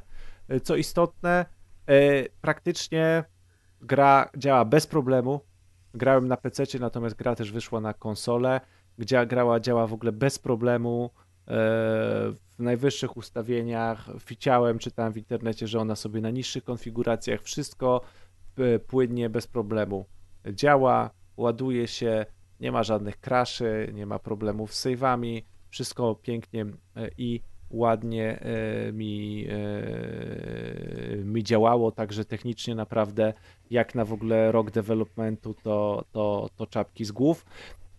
I tak jak mówię, no kolejna gra Rogueware, tym razem remake, ale nawet jakby nie wiedział, że to jest remake, bo ja w ogóle w pierwszego tego The Awakened nie grałem z 2007 roku, to bym pomyślał, że postanowili po prostu zrobić bardziej liniową grę e, niż, e, niż ten Chapter One. E, dodatkowo no, fabularnie jest, e, e, jest świetna, naprawdę rozwiązanie całej sprawy i, i to w jaką stronę to wszystko zmierza to, to spokojnie e, dla samej tej fabuły warto, warto w tego Sherlocka zagrać. Oczywiście może kogoś męczyć. Jak ktoś nie lubi rozwiązywać zagadek, to naprawdę będzie zmęczony, bo tego jest dużo. Tak naprawdę, no to jest jedyna rzecz, w, której, w, tej, w tej grze robimy. Nie mamy tak jak w poprzedniej, w chapterze e, e, One, jakichś sekwencji akcji, strzelania i uroz, urozmaiceń gameplayowych. Mamy po prostu czyste rozwiązywanie zagadek, łączenie faktów, więc jeśli taka rzecz kogoś męczy i ktoś nie jest tym zainteresowany, to może się odbić, bo zdecydowanie będzie mógł powiedzieć, że jest monotonne. Natomiast jeśli ktoś to lubi i lubi klimat Lovecrafta, to naprawdę poczuje się jak e, poczuje się jak w domu, bo naprawdę tego Lovecrafta jest pełno.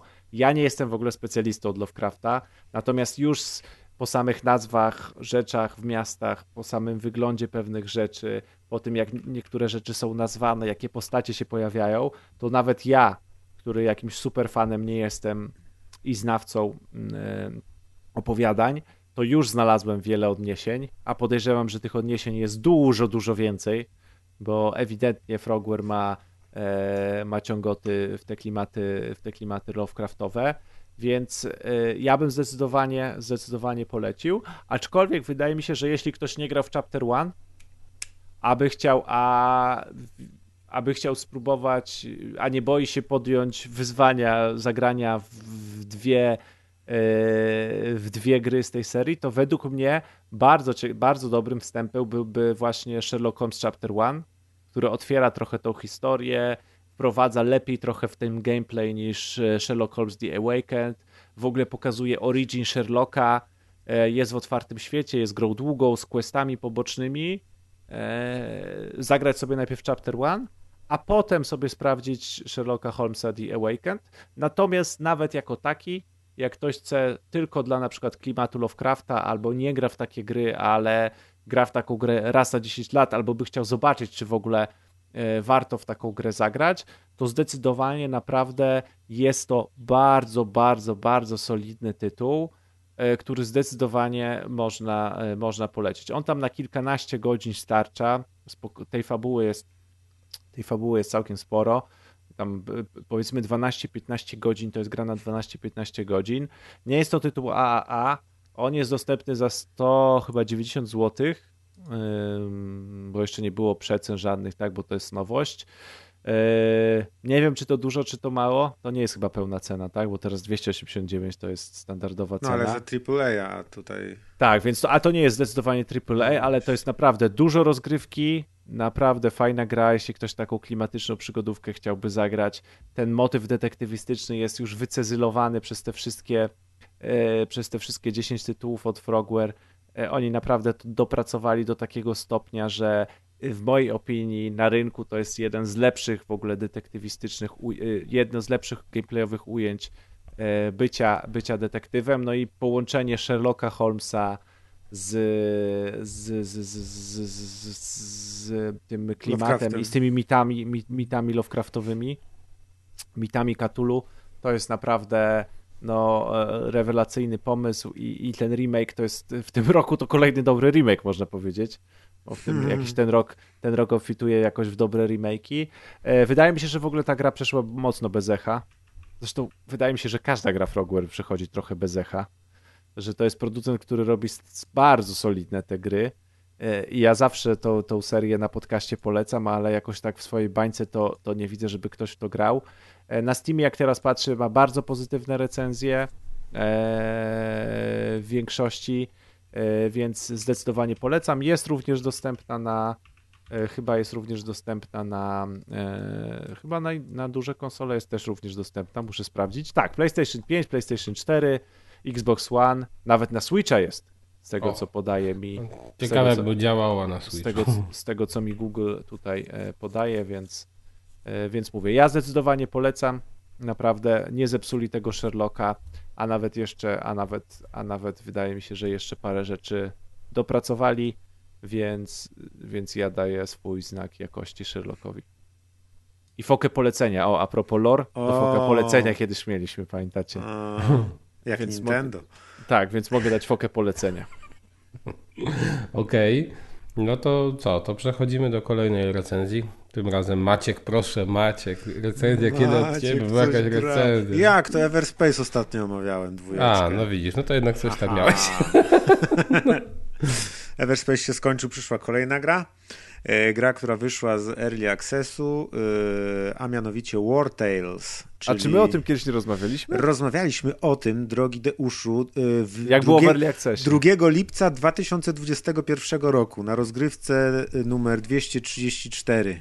Czyli teraz ludzie muszą odsłuchać tamten odcinek, żeby Tak, wiedzieć, o czym będziesz Tak, mówił. tytuł odcinka był Baldur za stówkę, e, ale nie wiem o czym to... O czym, No czego pewnie był za stówkę. Eee, wiem, że to The Adek- Legend of nie. Ad, Adek chyba kupował Baldura na Switcha tak? W wersji po 50 zł za sztukę, a ja mu mówiłem, że za 3 zł na Androidzie można zagrać Baldura przenośnego. No to śmieszne.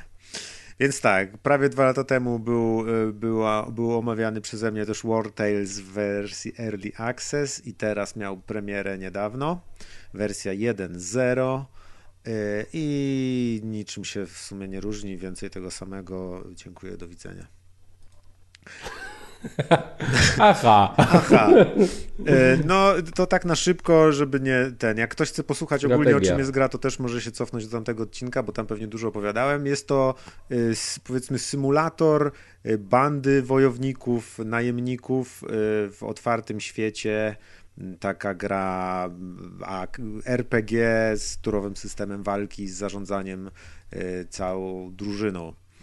No tak, jeśli macie pi piwnicę dobrze ten, to już to taka piwniczakowa gra tak, trochę. jak już się chce wejść do piwnicy na przykład na miesiąc i nie Jak się ma zgrzewkę kolki i dużo Tak, ciperków. i dużo- ale to nie jest strategia? Bo jak ja widzę tak, wiesz, gameplay sobie tego, to wygląda jak strategia. Jest, jak porównywałem Kulturowa. tą grę do tych i do, do innych tytułów, patrzyłem do czego to ludzie porównują i najwięcej porównań jest do Battle Brothers, które rzeczywiście jest Do grą... czego? Battle Brothers to jest taka znana gra z tego gatunku, ale A, czyli bardzo... ja się wygupiłem. w takim Tak, razie. bardzo... Do, do, tak, dzięki. dosyć trudna i skomplikowana. Ja próbowałem grać w Battle Brothers, ale tam ani mnie wizualnie jakoś nie porwała, ta gra nie przyciągnęła, a poza tym jest dosyć trudna i dużo rzeczy trzeba ogarnąć i ta walka też jest dosyć taka skomplikowana, więc za głupi byłem na tą grę.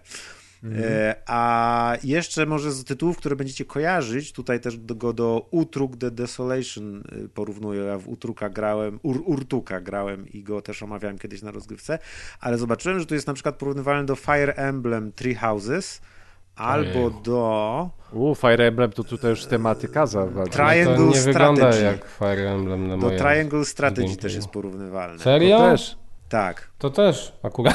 To No właśnie, no nawet właśnie. ukończyłem i nie widzę tego podobieństwa no za dużo. no bo tutaj gra polega na tym, że zaczynamy, tworzymy sobie cztery postacie, można sobie wybrać ich płeć i wygląd i klasę, którą się startuje, mogą być tam ludzie, co się specjalizują w broni dwuręcznej, albo z tarczą, albo w łukach, albo z nożem, albo coś tam. No, same nowości. Oni mają jakieś tam te wszystkie swoje, wiecie, siła, zręczność, siła woli, szanse na krytyki i tak dalej. Dalej. I wybieramy im tam ze dwie umiejętności na początek i rozpoczynamy przygodę i pokazuje się nam taki fajny widok z góry, jak w jakiejś grze strategicznej ala Command Conquer, Red Alert czy coś. I tam mamy nasze ludziki małe i one idą niczym powiernicy pierścienia szli u Tolkiena przez różne tam Jezu, ile powiązań, jak w dobrej piosence rapowej. Follow up, follow Adek up za byłby dumny. follow up jeszcze za rymu follow brakuje, rymu brakuje. No już nie, to wiesz, rymy białe teraz są może w modzie, to ten, nie będę tam z rymami już szalał. E, No i co, i lądujemy w otwartym świecie. E, Są cztery takie regiony dostępne chyba, z tego co kojarzę. Zaczynamy w jakimś tam pierwszym i możemy sobie robić co chcemy, ale możemy też wykonywać misje dotyczące konkretnie fabuły danego regionu, żeby rozwiązać jakby problem gnębiący ten region. W początkowym regionie na przykład jest pro, pro, problem imigrantów, coś całkiem na czasie i tam mamy szansę się opowiedzieć po jednej stronie, czy chcemy pomóc biednym imigrantom, którzy zostali wygnani ze swojego kraju, w którym trwa wojna, czy chcemy się postanąć po stronie oryginalnych mieszkańców i opędzać się przed biedakami, którzy żebrzą albo rabują zboże i w ogóle. Yy, Za kim a byłeś? poza tym, y, ja byłem. Na początku pierwszą misję coś źle zrozumiałem i wykonałem ją na rzecz y, oryginalnych mieszkańców, ale później byłem grzeczny i pomagałem imigrantom. Chociaż te wybory nie są takie jednoznaczne, bo y, właśnie tu z, z jednej strony chcesz tym imigrantom pomóc, z drugiej strony oni napadają na przykład na karawany i je okradają. No i. I wiadomo, że są takie różne Bywa. problemy. Dużo, dużo tych dialogów nie ma. y, Dialogi są y, nagrane audio, więc przynajmniej można sobie posłuchać, nie trzeba samego su surowego tekstu czytać.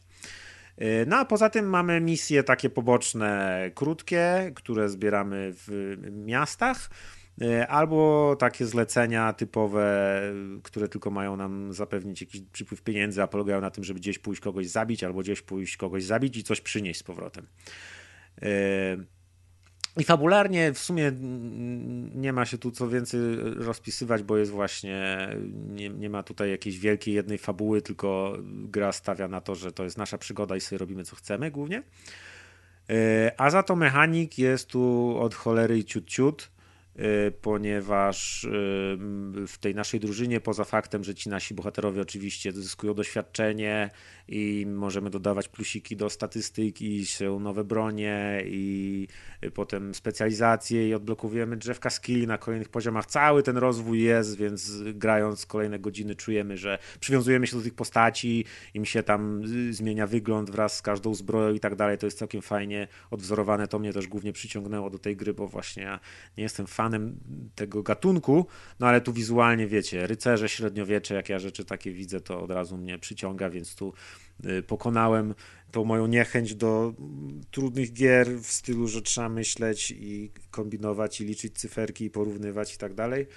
Ale, ale jakoś mi się udało, bo, bo fajnie to wygląda po prostu wizualnie. A co do tych mechanik, to właśnie rozwój postaci oczywiście jest, możemy postacie dodatkowe rekrutować, możemy sobie stworzyć drużynę, nie wiem nawet czy jest jakiś limit drużyny, ale tam zaczynamy z czterema, ja raz grałem z sześcioma, a pewnie można i więcej. No i tych cyferek tutaj jest od cholery, bo nasza drużyna się męczy, więc musi odpoczywać. Jak odpoczywa, to rozkładamy sobie obóz. Obóz. Tym, ten obóz budujemy niczym w Simsach, bo jest wtedy taki, taki widzimy, że oni siedzą przy ognisku. Co, basen, drabinka? Tak? Prawie tak, prawie tak. Y, Wiesz, możesz sobie dokupić na przykład rzeczy typu y, takie do przywiązywania dla koni, nie? dla kucyków twoich. Jakie tam, jak to masz zbudowane, to wtedy te kucyki mogą tam więcej unieść. A możesz sobie zbudować, ulepszyć stół do tam robienia różnych, do kraftowania rzeczy, bo oczywiście jest crafting. I czyli tak naprawdę jest całe takie minigierka związana z tym, że ten nasz obóz upgrade'ujemy, bo możemy w tej grze na przykład łapać jeńców i ich oddawać do więzienia, za co dostajemy pieniądze i jakby dodatkowe punkty takie, bo tu jest ten system też takiej policji. Czyli jak kradniemy, y, to się nam napełnia pasek i gwiazdki i wtedy nas poszukuje straż, a jak oddajemy więźniów, to wtedy ten pasek się zmniejsza. A na przykład do mm, naszego obozu możemy, y, bo więźniowie mogą nam uciec po paru dniach, jeśli ich za bardzo nie pilnujemy. Więc możemy sobie do obozu wykraftować dyby i ich w dyby zakuwać. Wtedy mają mniejszą szansę na ucieczkę. I takich mechanik, jak ta z więźniami, jest tu bardzo dużo. Y, Nie dziwota, że to było tyle w Early Access. jest i, u, i udźwig, i oni chcą jeść, a na przykład jak im nie dasz jedzenia, do mię mięsa do jedzenia, to będą mniej zadowoleni, a jeśli będą mniej zadowoleni, to spadnie im wskaźnik zadowolenia, który wpływa też na ich różne statystyki, więc dbając o ich zadowolenie chcesz im dawać dobre posiłki, ale możesz też przydzielać takie podprofesje do tych twoich postaci. Ktoś może być rybakiem, i wtedy łowi ryby i trochę mu się tam zręczność zwiększa, a do, ktoś może być kowalem i może wtedy wykuwać różne przedmioty i kraftować. Ktoś może być od kopania, ktoś może być od robienia potionów i tak dalej, i tak dalej. Te, te podprofesje mają też swoje poziomy i jak ktoś cały czas jest kowalem, a nie tam na zmianę na przykład, bo na początku mamy cztery, cztery powiedzmy postacie, a profesji już jest sześć i one tam dochodzą. Więc czasem trzeba żonglować, ktoś czasem jest kowalem, czasem jest rybakiem, ale jak ktoś cały czas jest kowalem, to jest kowalem coraz najpierw jest tam nowicjuszem, potem jest uczniem, potem jest jeszcze lepszy i tak dalej, i tak dalej, ma dostęp do coraz większych rzeczy, więc kolejne pola do rozwojów. Yy, zbieramy tu tych surowców, jest w cholerę, nie? bo są surowce i do wykuwania, i są surowce do gotowania, bo jak masz kucharza, to on może przyrządzać posiłki, które na przykład nie każesz im tylko jeść chleba z rybą surową, tylko na przykład zrobisz z mięsa, z soli i z czegoś tam jakąś potrawkę i oni wtedy nie dość, że się najedzą i będą zadowoleni, to jeszcze przez na przykład cały dzień podróży będą mieć bonus 20% do walki, bo będą tacy silni i posileni. I tych przepisów jest też całe drzewko od przepisów, że masz trzy rodzaje ryb, y, przepisów z rybami, jakieś tam przepisy na pieczywa i tak dalej, i tak dalej, i tak dalej. Więc znowu kolejne y, miejsce, gdzie można pakować punkty, rozwijać się i tak dalej. Y, Jest, trzeba im oczywiście płacić, bo oni im są lepsi, tym chcą większy żołd dostawać, więc trzeba jakoś tą kasę zdobywać. Kasę można zdobywać po prostu, nie wiem, rabując jakieś miejscówki, które znajdujemy na mapie, albo właśnie sprzedając niewolników, albo po prostu wykonując misje. Y, Potem możemy na przykład, jest jeszcze całe drzewko kolejnego rozwoju całej drużyny, że na przykład w miarę są takie punkty wiedzy, które zdobywamy. Y, Je zdobywamy za przeróżne rzeczy, za eksplorację, za odnajdywanie jakichś tam rzeczy na mapie, za za odblokowywanie innych umiejętności, na przykład jak się nauczysz pięciu przepisów, to odblokujesz jeszcze jeden punkt wiedzy. Za te punkty wiedzy ogólnie polepszamy naszą drużynę, że nasza drużyna na przykład ma większy udźwig, bo są silniejsi, albo można y, się nauczyć negocjować i wtedy możesz negocjować stawki za te zlecenia, które bierzesz, więc nie tylko, że po prostu przyjmiesz zlecenie za 300 zł, tylko jeszcze możesz tam próbować negocjować tą cenę i tak dalej, więc kolejne ci otwierają możliwości i tak Głowa dalej. mi tak zaczyna puchnąć. To jest taka łamigłówka, która się otwiera i jak już myślisz, że się wszystko ona otwiera, to ona, każda z tych części jeszcze bardziej się otwiera i To jeszcze jak, bardziej, jeszcze to bardziej. jak to o tym opowiadasz, to jest dla mnie definicja w ogóle gry z Early Access. Y, Która wyszła, bo wiesz, tam przez rok tam wszyscy dodawali, a jeszcze dodajcie to, a jeszcze dodajcie to, a fajnie było, jakby jeszcze było to, a A jeszcze czy w to, a jeszcze sumie to. tych rzeczy, które... W, w, Jakby w- wiesz, w jakby Early 300 Access- osób to wymyślało, jakby każdy dał po jednym No trochę pomyśle. wiem, trochę wiem, bo to jest tak jakby ostateczna symulacja twojej własnej kompanii wojskowej, nie? gdzie masz wszystko, bo oni muszą i jeść, i się ubierać, i ktoś może chcieć być, chcieć być majsterkowiczem w tej, tej i tak dalej, i tak dalej. Więc jest tu, tych rzeczy jest bardzo dużo i rzeczywiście sama gra ma taki samouczek, który ci pokazuje co i jak robić, ale jest to do ogarnięcia dosyć trudne. Yy, Więc niestety ja się musiałem posiłkować oczywiście YouTube'owym filmikiem, który trwał tam chyba z 40 minut i tłumaczył po kolei zależności i na co zwracać uwagę i tak dalej, i tak dalej, bo są, w tej grze na przykład można w ogóle nie walczyć, tylko stworzyć sobie drużynę han- handlową, bo są też, można robić szlaki handlowe, czyli bierzesz na przykład czterech typów, nie wiem, chyba można ich zwalniać, więc na przykład dwóch zwalniasz od razu, żeby się pozbyć darmozjadów, którzy będą tylko chcieli jeść i brać kasę, a kupujesz sobie na przykład pięć kucyków. I dzięki tym kucykom i dwóm typom kupujesz w cholerę rzeczy w jednym mieście i idziesz gdzieś tam do drugiego miasta i tam sprzedajesz. I w ten sposób na przykład robisz kasę. Ale też idąc musisz uważać, bo cię mogą napaść nagle z lasu, wybiegną wilki, niedźwiedzie albo bandyci, nie? I, i tak dalej. Bo ten świat cały czas żyje, po drogach chodzą karawany kupców, którymi, z którymi możesz handlować, możesz ich napaść, możesz ich okraść. Yy, mo, musisz uważać na patrole straży, musisz uważać właśnie na jakieś, no jest to w miarę całkiem fajna, zrobiona taka właśnie symulacja średniowiecznego świata. Jest to całkowicie jakby realne, w sensie, że nie ma tutaj elfów, skrzatów magii, gandalfów, fireball i tak dalej. Nie. Wszystko jest, wszystko jest historycznie realistyczne. Chociaż kraina jest cała zmyślona, jakby to nie jest jakiś prawdziwy obszar ani nic. No i y, mimo tego, że jest tego trochę dużo i jest to przytłaczające i trzeba y, radzę obejrzeć jakiś filmik na YouTubie, który właśnie wam wszystko ładnie wytłumaczy, to ja miałem obawy co do tej gry, bo pamiętam, że wersja w Early Access była bardzo trudna. Wtedy były trzy poziomy trudności do wyboru. Ja pamiętam, że wziąłem sobie najłatwiejszy, a jeszcze o walce nic nie powiedziałem. I w pierwszej walce y, przeciwnikami byli jakieś tam podrzędne typy, ale mieli zatrute sztylety i mnie podziubali tymi sztyletami i później się okazało, że nie mam lekarstwa i w trzy dni mi wszyscy umarli i to był koniec mojej gry. Y, to tu na przykład już się zmieniło, że jak ktoś nas zatruje, ale walka się skończy, to nasza postać już później nie jest zatruta, przynajmniej na tym najłatwiejszym poziomie trudności. Bo właśnie, grałem na najłatwiejszym poziomie i gra jest naprawdę bardzo łatwa. W sensie już miałem wiele walk, nie musiałem się specjalnie starać, jeszcze nikt mi w ogóle nie umarł, jedną tylko jakąś kontuzję miałem ale y, jest naprawdę wybaczająca. Nie mam też problemu z pieniędzmi ani nic. To też pamiętam, że tak naprawdę w wersji Early Access to leciałem na oparach i musiałem planować moje ruchy, bo tu zaraz widzę, że już za dwa dni nie będę miał żołdu wypłacić, a nie ma jedzenia, a oni są zmęczeni, a ten jest zatruty, zaraz umrze i co tu robić? I to było takie stresujące. A tutaj na najłatwiejszym poziomie trudności nie ma problemu. Yy, jeszcze co do walki samej, jak już właśnie się gdzieś na, trafimy na jakąś potyczkę, no to z tej mapy takiej globalnej przerzuca, przerzuca nas na taką małą mapę lokacji. Yy, walka jest turowa i działa na tej zasadzie, że mamy na dole pasek czasu i na tym pasku czasu mamy ikony postaci, jak, jak one się ruszają. Yy, I wiemy wtedy, że na przykład za trzy ruchy będzie przeciwnik ten dany bo wiemy, który przeciwnik się kiedy ruszy. My natomiast możemy sobie jakby dowolną naszą postać ruszyć. Możemy ją tylko raz aktywować w czasie rundy, ale kiedy to zrobimy, to jest obojętne, czyli możemy sobie zacząć, wybieramy kim zaczynamy.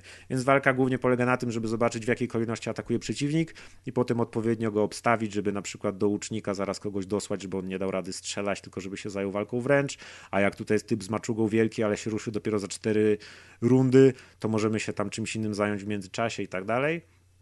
Zasięgi niestety są takie jakby mm, bliskie, w sensie, że łucznik strzela na powiedzmy 10-15 metrów i tyle. I to jest dosyć głupie, że trzeba tym łucznikiem podejść na taką dosyć bliską odległość, w sensie jest to mało realistycznie pokazane.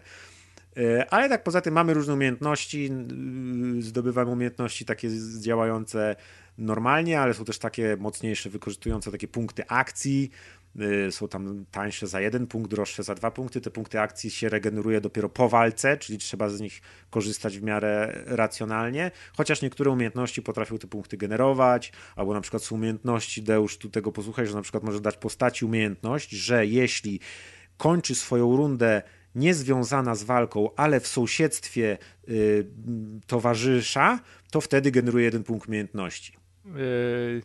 Więc jeśli chcesz min-maxować tą grę, to, to jest mnóstwo To musisz sobie miejsca, kupić zeszyt to... 90-kartkowy A4. tak, i zanotować, bo ja już później nawet zapominałem, kto jaką ma umiejętność i tylko się dziwię, że o, czemu ten mi dał punkt akcji? A, bo skończył swój ruch, nie będąc związany z walką, a w sąsiedztwie jakieś tam tej... Więc mówię, na łatwym poziomie trudności można rzeczy pomijać, a jak ktoś chce naprawdę się zmurzyć i kombinować i, i walczyć niczym Gary Kasparow z Deep Blue y, w szachach, to też jest taka opcja, bo jest tutaj dużo tych zależności i tego takiego właśnie y, piwniczarskiej, piwniczarskiego tryhardowania, że tak powiem. E, no i co? I w sumie to polecam. Ja właśnie gram na easy, relaksuję się, zwiedzam sobie Y, krainę, handluję, roleplayuję sobie, jak chcę sobie kogoś napaść, to sobie napadam, jak chcę być praworządny, to łapię bandytów. Jeden region już rozwiązałem zagadkę y, tego regionu, y, czy tam zagadkę, problemy pierwszego regionu z tymi przesiedleńcami. Teraz jestem w drugim regionie, gdzie jest tajemnica winiarni jakiejś, bo to jest taki region z winami, winnice mają i tam coś tam im te winnice niszczy i jakieś tam polityczne są rzeczy i teraz się będę takimi pierdołami zajmować.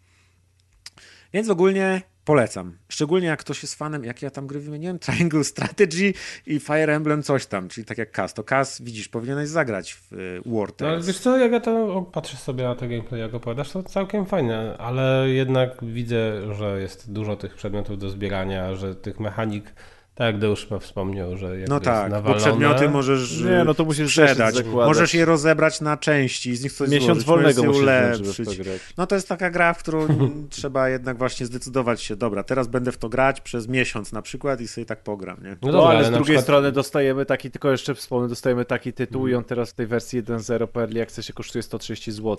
No właśnie, jak a ktoś to ma jest czas wsiąknąć, grania, to jest Więc jak naprawdę... ktoś ma czas wsiąknąć w takie coś, no to to... Widzę, tak że powiem, oceny na Steamie- Opłacalność jest wysoka. Bardzo pozytywne, ogólnie 13 tysięcy ocen, więc... Ale powiedz mi Maciek, bo ty mówiłeś, że to jest bardzo prosta gra na tym poziomie trudności łatwym, na którym grasz. No. No, to jakby ty musisz się wgryzać w te wszystkie mechaniki? Czy jednak y, znaczy no jakby... olewasz je bardziej niż... Ona jest prosta na zasadzie, że masz wystarczająco dużo złota i oni się na przykład, wiesz, nie marudzą ci, nie mają jakichś wymagań ci twoi y, wojownicy, więc nie musisz jej tak bardzo min-maxować, bo dalej mniej więcej musisz wiedzieć o co chodzi z, z tymi systemami, więc trzeba ją zrozumieć, ale nie musisz się, wiesz, bardzo wysilać, żeby, y, wiesz, że na na, na, nie masz, kończą ci się pieniądze, no tak dalej, bo właśnie, bo można wybrać y, tam poziomy trudności właśnie, oddzielny poziom trudności jest od walki, a drugi poziom trudności jest chyba właśnie taki ekonomiczny od zarządzania zasobami. Czyli możesz sobie włączyć trudną walkę, ale łatwe zasoby i wtedy masz bardziej grę taką strategiczną. Albo na odwrót, czy masz łatwą walkę, a trudne zasoby i masz wtedy bardziej ekonomiczne wyzwanie. A, a tutaj łatwość jej polega głównie na tym, że no jak walczysz, to wiesz, przeciwnikom rzadziej wpadają krytyki, oni pewnie też mają trochę mniej HP, te walki są łatwiejsze, a jakbyś miał trudny poziom, to zaraz się okaże, że tu już przeciwnicy mają jakieś skille, łączą je w kombosy, zatruwają cię i robią ci jesień średniowiecza z tyłka i tak dalej. A na tym łatwym poziomie trudności, tak jak mówię, no bez wysiłku, zawsze mam kasę, zawsze mam jakieś tam punkty chwały, które też można zdobywać różnymi misjami, a potem wydawać na przykład na jakieś negocjacje albo na jakieś zatrudnianie innych tych. No, jest tego bardzo dużo. Trzeba jednak, jak ktoś naprawdę nie lubi cyferek, no to nie da rady. Ale no, ja też nie przepadam za bardzo tymi cyferkami, ale mówię, jakiś tam tutorial z YouTube'a sporo mi wyjaśnił, a później już się nie muszę tym przejmować, bo moi na przykład, moja drużyna jest wiecznie szczęśliwa, bo wystarczy, że przy ognisku jeden koleś y, będzie spędzać noc i on już zapewni tyle szczęścia tej drużynie, że nie muszę się tym przejmować. A reszta na przykład leży w namiocie, bo spędzając noc w namiocie oni regenerują te punkty do używania umiejętności. Trochę tego jest, ale na łatwym poziomie nie przeszkadza i można się cieszyć takim właśnie przeżywaniem przygody. I jest to poczucie takie, że się wędruje y, w nieznane i, i, i, i się samemu swojej przygody szuka. To jest całkiem fajne. Okej, no to brzmi pozytywnie. No, Też daję w sumie fokę polecenia. Ale tylko na PC, tak? Bo sprawdziłem sobie, że to... Chyba tak. Chyba że na tak. Metacritic to jest, jest, tylko takie, opcja wiesz, na PC, więc No, jest taka hermetyczny pecetowa gra. E, No okej, Hermetyczny, bardzo.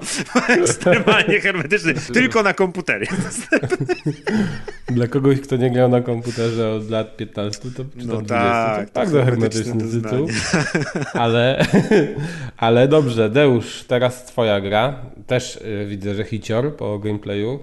Yy, tak, moja gra jest w Early Access w ogóle, yy, ponieważ Early Access wyszedł na Steama, yy, zresztą i na Androida, i na chyba iOSa też, w sensie na, na urządzenia No, to już nie jest taki Apple'a. hermetyczny tytuł. E, a mówimy o tytule, e, który się nazywa Peglin.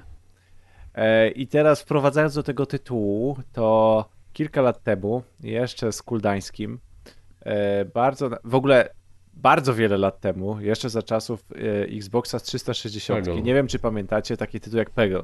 Mhm. Ja byłem w ogóle psychofanem Pegla A mnie w I- ogóle nie wciągnął. i grałem w to po prostu, no absolutnie za duże ilości czasu grałem w Pegla i w ten sposób na gameplay patrzenie jak kulki uderzają w kulki, to po prostu tak przełączało moje neurony, że został wytwarzany cho- różne, przeróżne hormony szczęścia. w Tak tym musisz siedziałeś przed Japonii telewizorem, głowa przychylona, ślina cieknie po brodzie. Tak, No mniej więcej dokładnie tak.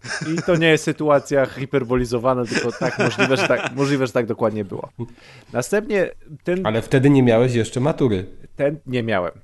Ten pomysł nie był, idealiz- nie był wykorzystywany przez twórców, aż parę lat temu, tak jak mówię, jeszcze z Kuldanem, zaczęliśmy grać w taką grę, która się nazywała Randbound. Nie wiem, czy pamiętacie. To był taki rogalik, który wykorzystywał mechanikę Peggle, w którym e, no, również się wysyłał, strzelało się naszym bohaterem na planszę z kulkami. Oczywiście ci bohaterowie mieli jakieś skille yy, i pokonywało się drabinkę, róż, drabinkę różnych przeciwników. Yy, bardzo, bardzo fajny tytuł, yy, bardzo fajny indyk. Teraz patrzę, że on wyszedł w 2020 roku. Obecnie jest dosłownie za, do kupienia za grosze, także jak ktoś by chciał spróbować, to naprawdę on jest do kupienia obecnie za 20 zł. A nie Round Guard? A Round Guard, przepraszam, nie Round Bound, tak tylko Round Guard. nie mogę znaleźć. Round, Round Guard, Guard tak, tak. Bardzo fajny tytuł, peglowy, e, z bardzo, z bardzo wieloma fajnymi mechanikami. No i obecnie na Steama wszedł tytuł, który też śledziłem od jakiegoś czasu, czyli e, Peglin, e, który jest znowu wariacją na e, temat strzelania do kulek i znów jest wariacją w klimatach e, roguelike'a. E, nie roguelite'a, tylko roguelike'a, czyli za każdym razem zaczynamy grę od e, nowa.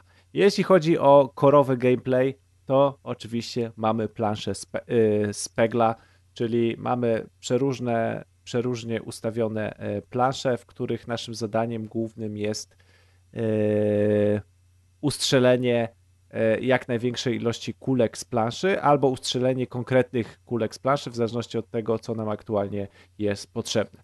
Tym dodatkowym gameplayem i rzeczą, która nas tutaj do tego, e, do Peglina może przyciągnąć, jest fakt, że jest to, podobnie jak Round Guard, jest to e, tytuł rogalikowy, RPGowy. Czyli w tym wypadku mamy, pokonujemy oczywiście kolejne plansze. E, te plansze składają się na pewne etapy. Każdy etap składa się z co najmniej kilku plansz i na danej planszy poruszamy się E, poruszamy się po drabinką, gdzie na danej drabince możemy mieć albo zwykłą planszę, gdzie pokonujemy wrogów, bo, bo rozwalając te kulki na planszy danej zadajemy obrażenia wrogom, czyli na każdej planszy mamy różne typy wrogów, ci wrogowie mają różne typy ataków, a przez to, że my danymi kulkami rozwalamy kulki na planszy, to zadajemy określone obrażenia tym wrogom. Poruszamy się Y, plansza, y, taki level po levelu na, na naszej drabince, przechodząc kolejne poziomy. Te poziomy składają się na, na, na światy. Oprócz takich zwykłych poziomów, gdzie się bijemy z różnego typu wrogami, mamy mini-bossów, każdy świat jest zakończony bossem, no i gramy tak po kolei, pokonujemy te drabinki wrogów, podobnie jak w jakichś grach typu Slay the Spire na przykład, pokonujemy kolejne drabinki wrogów, e, aż w końcu E, no aż w końcu przegramy, tak? Aż w końcu zginiemy. No i tak powtarzamy, jak to w rogalikach, ten gameplay cały czas, e, próbując dopasować nasz build naszej postaci, za każdym razem inaczej dopasować build naszej postaci. No i tym głównym takim e, taką rzeczą w tej grze jest fakt, że jest to RPG, czyli każdy nasz run można dowolnie sobie spersonalizować poprzez to, jakie mamy relikty, czyli jakie mamy takie umiejętności, czyli jakie mamy. Mm, e, o Jezu, nie wiem jak przetłumaczyć relikty, w sensie przedmioty takie, które nam dają mhm. określone, e, określone skille czy określone właściwości oraz to, jaki set kulek zbierzemy. Jeśli chodzi o przedmioty, to na planszy możemy zdobywać na początku każdego levelu albo później na określonych podpoziomach możemy zdobywać e, określone takie power-upy, relikty, które nam pewne rzeczy ułatwiają, czyli na przykład dodają nam plus jeden do ataku, powodują, że jacyś wrogowie nie zadają nam konkretnego typu obrażeń, powodują, że nasze kulki odbijają się szybciej, odbijają się wolniej, mocniej, powodują to, że jak nasza kulka spada na dół planszy, to może e, to licznik zadawanych obrażeń może, mm, może być zmultiplikowany i tak dalej, i tak dalej. I cała zabawa polega na tym, że tych reliktów jest, za przeproszeniem, używając kulturalnych słów, w pizdę. W sensie jest naprawdę ogrom tych reliktów i każdy, jakby każdy ran, który budujemy i każdy każdy sposób grania jest trochę inny, w zależności od tego, jakie mamy te relikty. I po zagraniu, powiedzmy, nie wiem, przy, przy graniu już drugiego świata, tych reliktów możemy mieć na przykład, nie wiem, 15 różnych. I każdy z tych reliktów daje inny efekt, więc ta gra już jest inaczej. Dodatkowo budujemy set naszych orbów, czyli tych kulek, które strzelamy. Czyli mamy zwykłe kulki, które na przykład kulka po odbiciu od jakiejś kulki na planszy zadaje trzy, trzy obrażenia dla danego wroga ale mamy kulki, które na przykład zwiększają e, e, obrażenia. Mamy kulki, które zwiększają obrażenia tylko jeśli trafią w bombę, albo tylko jeśli trafią w kulkę, która powoduje nam jakiś tam super atak. Albo mamy kulki, które przenikają przez niektóre kulki, a do niektórych się odbijają. Albo mamy kulki, które nam z powrotem wracają życie albo mamy kulki, które nam, nie wiem, tam robią ataki jakieś tam obszarowe, ale znikają po dwóch rundach, albo pozwalają nam przetasować i tak dalej, i tak dalej. Każdą z tych kulek możemy ulepszać. Tych kulek, mówiąc, używając znowu naukowego określenia, znowu jest w pizdę. Każdą z tych kulek możemy ulepszać. Mamy sklepy w trakcie gry, więc te rany różnią się tak naprawdę o tyle, że o ile gameplay zawsze pozostaje ten sam, czyli strącenie jak największej ilości kulek, bo zwykle to nam zapewnia jak największy mnożnik obrażeń zadawanych, to jakby sposób doboru tego setu kulek w trakcie gry, sposób dopasowania się do planszy i sposób budowy tych kulek pod relikty, które już kupiliśmy albo które nam zostały z góry narzucone, powoduje cały, całą tą grę. No bo tak naprawdę tutaj w Peglu no trudno powiedzieć o jakichś umiejętnościach, bo bardzo wiele rzeczy się dzieje losowo, no bo poza pierwszymi dwoma odbiciami kulki, no to trudno przewidzieć, co się stanie mhm. dalej na planszy, tak? To są czasami dziesiątki odbić, więc, więc trudno jest to przewidzieć. Natomiast to nie jest też gra losowa, no bo ile na samym początku się ginie w połowie pierwszego świata, to w tym momencie ja pierwsze dwa światy przechodzę, wiecie, w pierwsze pół godziny to od czapy przejdę pierwsze dwa światy dowolnymi zestawem reliktów i kulek, bo już wiem, co dana kulka robi, czyli gdzie ją uderzać na planszy, co dany relikt robić, czyli czego unikać i tak dalej, i tak dalej. Czyli umiejętności w tej grze i w kolejnych ranach nabywa się poprzez e, poznawanie tego, co robią dane umiejętności i co robią dane kulki. I Podobnie jak e, omawiałem kilka, i oczywiście, oczywiście to jest niestety skąpane w takiej, e, w takiej grafice e, pikselowej, o czym zresztą wspomniał Kas na samym początku. I ona mi strasznie przypomina grę, o której omawiałem, czyli Slice and Dice. Pamiętacie, omawiałem tą grę mhm. Slice and Dice, gdzie się rzuca kośćmi, która miała ohydną grafikę pikselową, ale była uzależniająca, jeśli chodzi o gameplay A. rzucania kośćmi i ten cały RPGowy, no, RPGowy sznyt. Ohydną. Ta ma mniej ohydną, ale dalej jest to brzydki pixel art według mnie. Mhm. No, taki, znaczy, dobra, on jest może ubogi miejscami, ale... Nie najgorszy. Dobra, no, no okej, okay, no to no. jest nie najgorszy, ale dalej. Oprawa tu jakby o niczym nie świadczy. Tak jak tam gameplay to było rzucanie kośćmi, to tu mamy gameplay peglowy, w sensie no, strzelania. No i cała reszta, czyli cała ta kokaina, to jest to, jak to wszystko jest zmieszane z tymi umiejętnościami RPGowymi, z tym, y, z tym wyglądem planszy, z tym, że za, jak tylko zginiemy, to chcemy od razu grać kolejny run i się poprawić. I po prostu ta gra to jest kolejna gra, która nie wygląda, jest niepozorna, a jest po prostu taką kokainą, która po prostu tak wciąga, że, mm, że no, mam ją na Steamie i na, y, i na mm, telefonie. I no po prostu wersja na telefonie jest, y, no powoduje zaparcia, y, za długie posiedzenia, stania w kolejkach i w ogóle przedłużone spacery z psem, y, które trwają co najmniej jeden ran, także nawet wieczorny spacer z psem musi trwać co najmniej jeden ran przez dwa pierwsze światy, a to już jest kilkadziesiąt minut. Także, yy, także naprawdę, naprawdę jest to, jest to niesamowita kokaina. Jeśli ktoś lubi takie gry, jeśli ktoś po mojej recenzji Slice and Dice, a pamiętajcie, że było wiele komentarzy, które, yy, które osób, które zaczęły yy, grać, grać w Slice and Dice, zastanawia się nad kolejną taką mała gra, która gameplayowo jest kokainą e, i, i, i pozwala na takie kilkunastominuto, kilkuminutowe, kilkunastominutowe posiedzenia i wciąga E, jest niewymagająca, pójdzie na wszystkim po prostu. Na, chyba na każdym telefonie to raz, ale pójdzie po prostu ze względu na grafikę to na, na PC to na każdym służbowym i niesłużbowym laptopie, nawet najgorszym.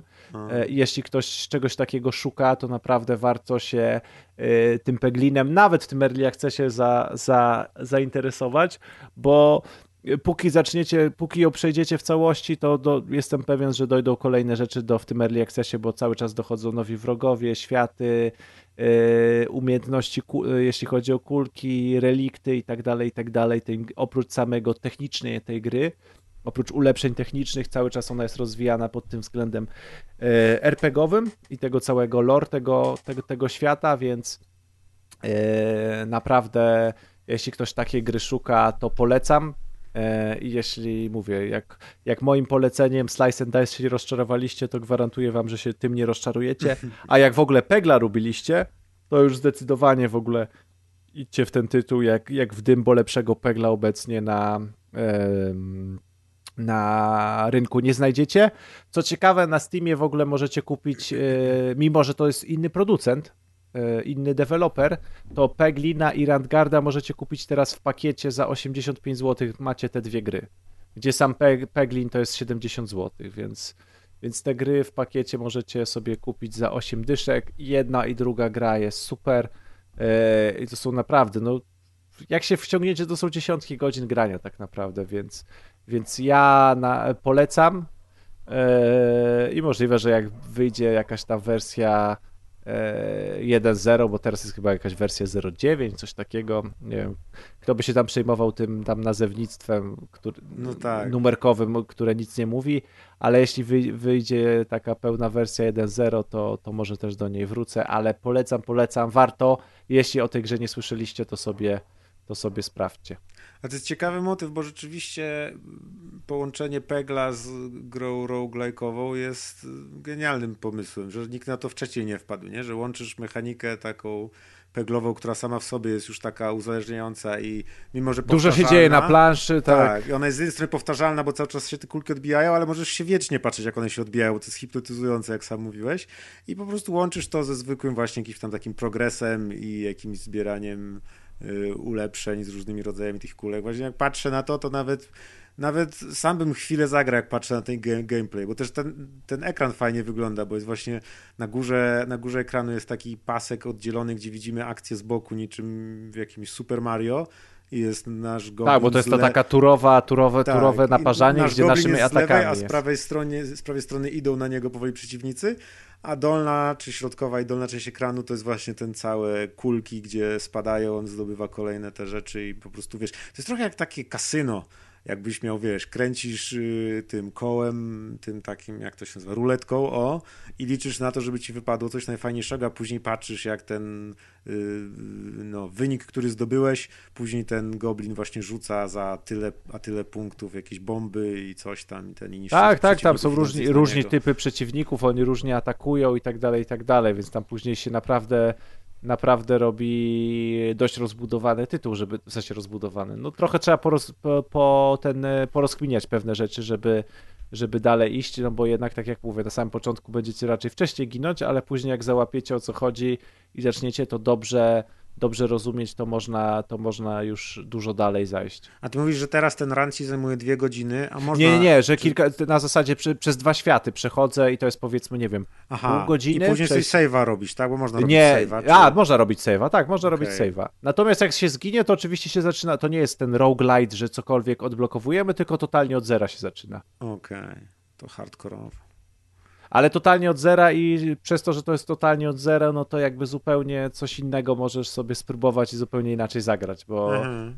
y, ta drabinka jest inna w tych światach, to są dalej te same światy, podobni przeciwnicy, natomiast y, to jak wygląda ta drabinka przeciwników i jak się roz... bo ona ma też kilka dróg, które sobie później w trakcie gry możemy wybierać, w którą stronę idziemy, mhm. to ona, mimo że w danym świecie zawiera y, y, powiedzmy tych, ten sam, tą samą talię przeciwników, to jest generowane losowo. Nawet no tak. końcowy boss jest generowany, nawet są różni losowi, boss, bossowie końcowi są różni i nawet mini bossowie też w trakcie gry są, e, są różni, więc... Ten więc... goblin wygląda jak mały Joda ten z Mandaloriana. Wiedziałem, że mi kogoś przypomina, nie mogłem sobie przypomnieć, teraz sobie przypomniałem. Tak, rzeczywiście, rzeczywiście. Trochę, trochę, trochę przypomina. Okej, okay. dobra, no to a w sumie mi też przypomina, ale przechodzimy, co, już skończyliśmy gry, to przechodzimy dzisiaj na szybko do kulturki. Tak. Redfalla I... nie będziemy mieli, jeśli chodzi o gry, tak? Nikt nie O nie, nawet Majówkowicz chyba nie miał Redfalla. Chyba tak. Mi się wydaje, że w tym momencie chyba nikt nie jest zainteresowany Redfallem, bo nie wiem, czy widzieliście, że na Steamie, oczywiście jest to tytuł Game Passowy, Mhm. e, więc, więc Super, wiadomo, że duża część, więc, więc duża część osób, które ma Game Passa na PC gra w Game Passie, ale w momencie, kiedy tam, nie wiem, w 5 dni od premiery na Steamie chyba wieczorem było 940 osób grających w Redfalla według e, danych Steamowych, to bolesne wydaje mi się, no ale Dobrze, dobrze, Jest zaraz jest. się rozkręci. To super hicior, jeszcze będzie świetny. przechodzimy do czwartego działu, ale dzisiaj mamy dział. Ale działów. E, czyli dobra, czy jeszcze raz przechodzimy do kulturki. E, tak, na szybko chciałem Wam w kulturce dzisiaj powiedzieć o serialu, o którym e, nie słyszałem wcześniej w ogóle. A Nie już słyszałeś? leci, nie słyszałem, a już leci ładnych 15 lat, 18 lat, 18 lat, bo od 2005 roku i dowiedziałem się e, o nim w zasadzie od Amerykanina. To jest ciekawe. Z Polski nikt mi nie mógł podpowiedzieć, że taki świetny serial leci.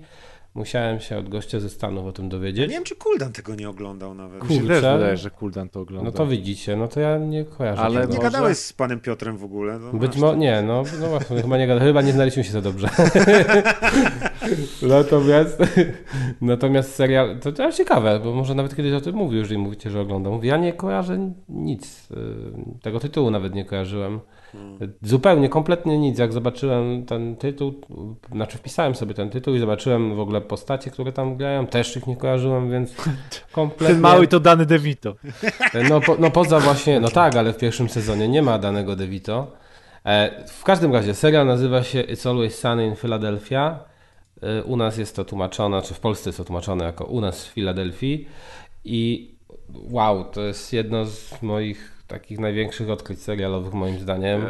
To jest takie To tylko powiedzmy, że to jest do dostępne The na. Disneyu, prawda? Tak, jest to dostępne w tym momencie na Disneyu i do niedawna jeszcze nie było wszystkich sezonów, teraz są wszystkie sezony. No, Wszystkie mówię, sezony. Tak. 15 sezonów. 15 sezonów, z tym, że te sezony są. Nie, nie, nie, chwila, chwila. To jest serial, który trwa po 20 minut za, na odcinek, a sezony nie przekraczają często 10 odcinków.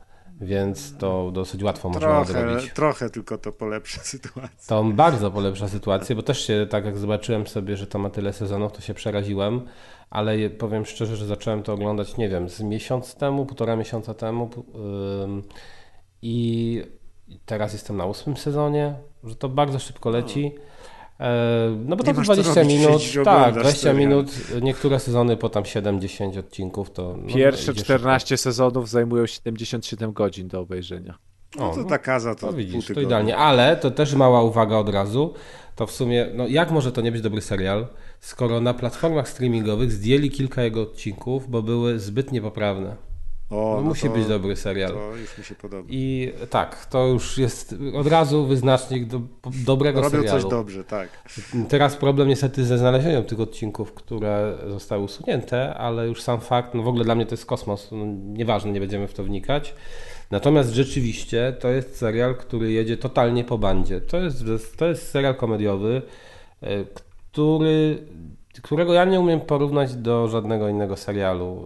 Przede wszystkim dlatego, że nie znam serialu, w którym główni bohaterowie, w pierwszym sezonie jest ich czwórka, w, mniej znanych aktorów, może dzisiaj dla Was są znani, e, dla mnie nie byli. E, no i w drugim sezonie dochodzi do nich Dany DeVito. I to też ciekawa w sumie jest z tym historia, dlaczego dochodzi. No ale w każdy z tych bohaterów oni tworzą jakby jedną paczkę, po angielsku gang, u nas ekipa.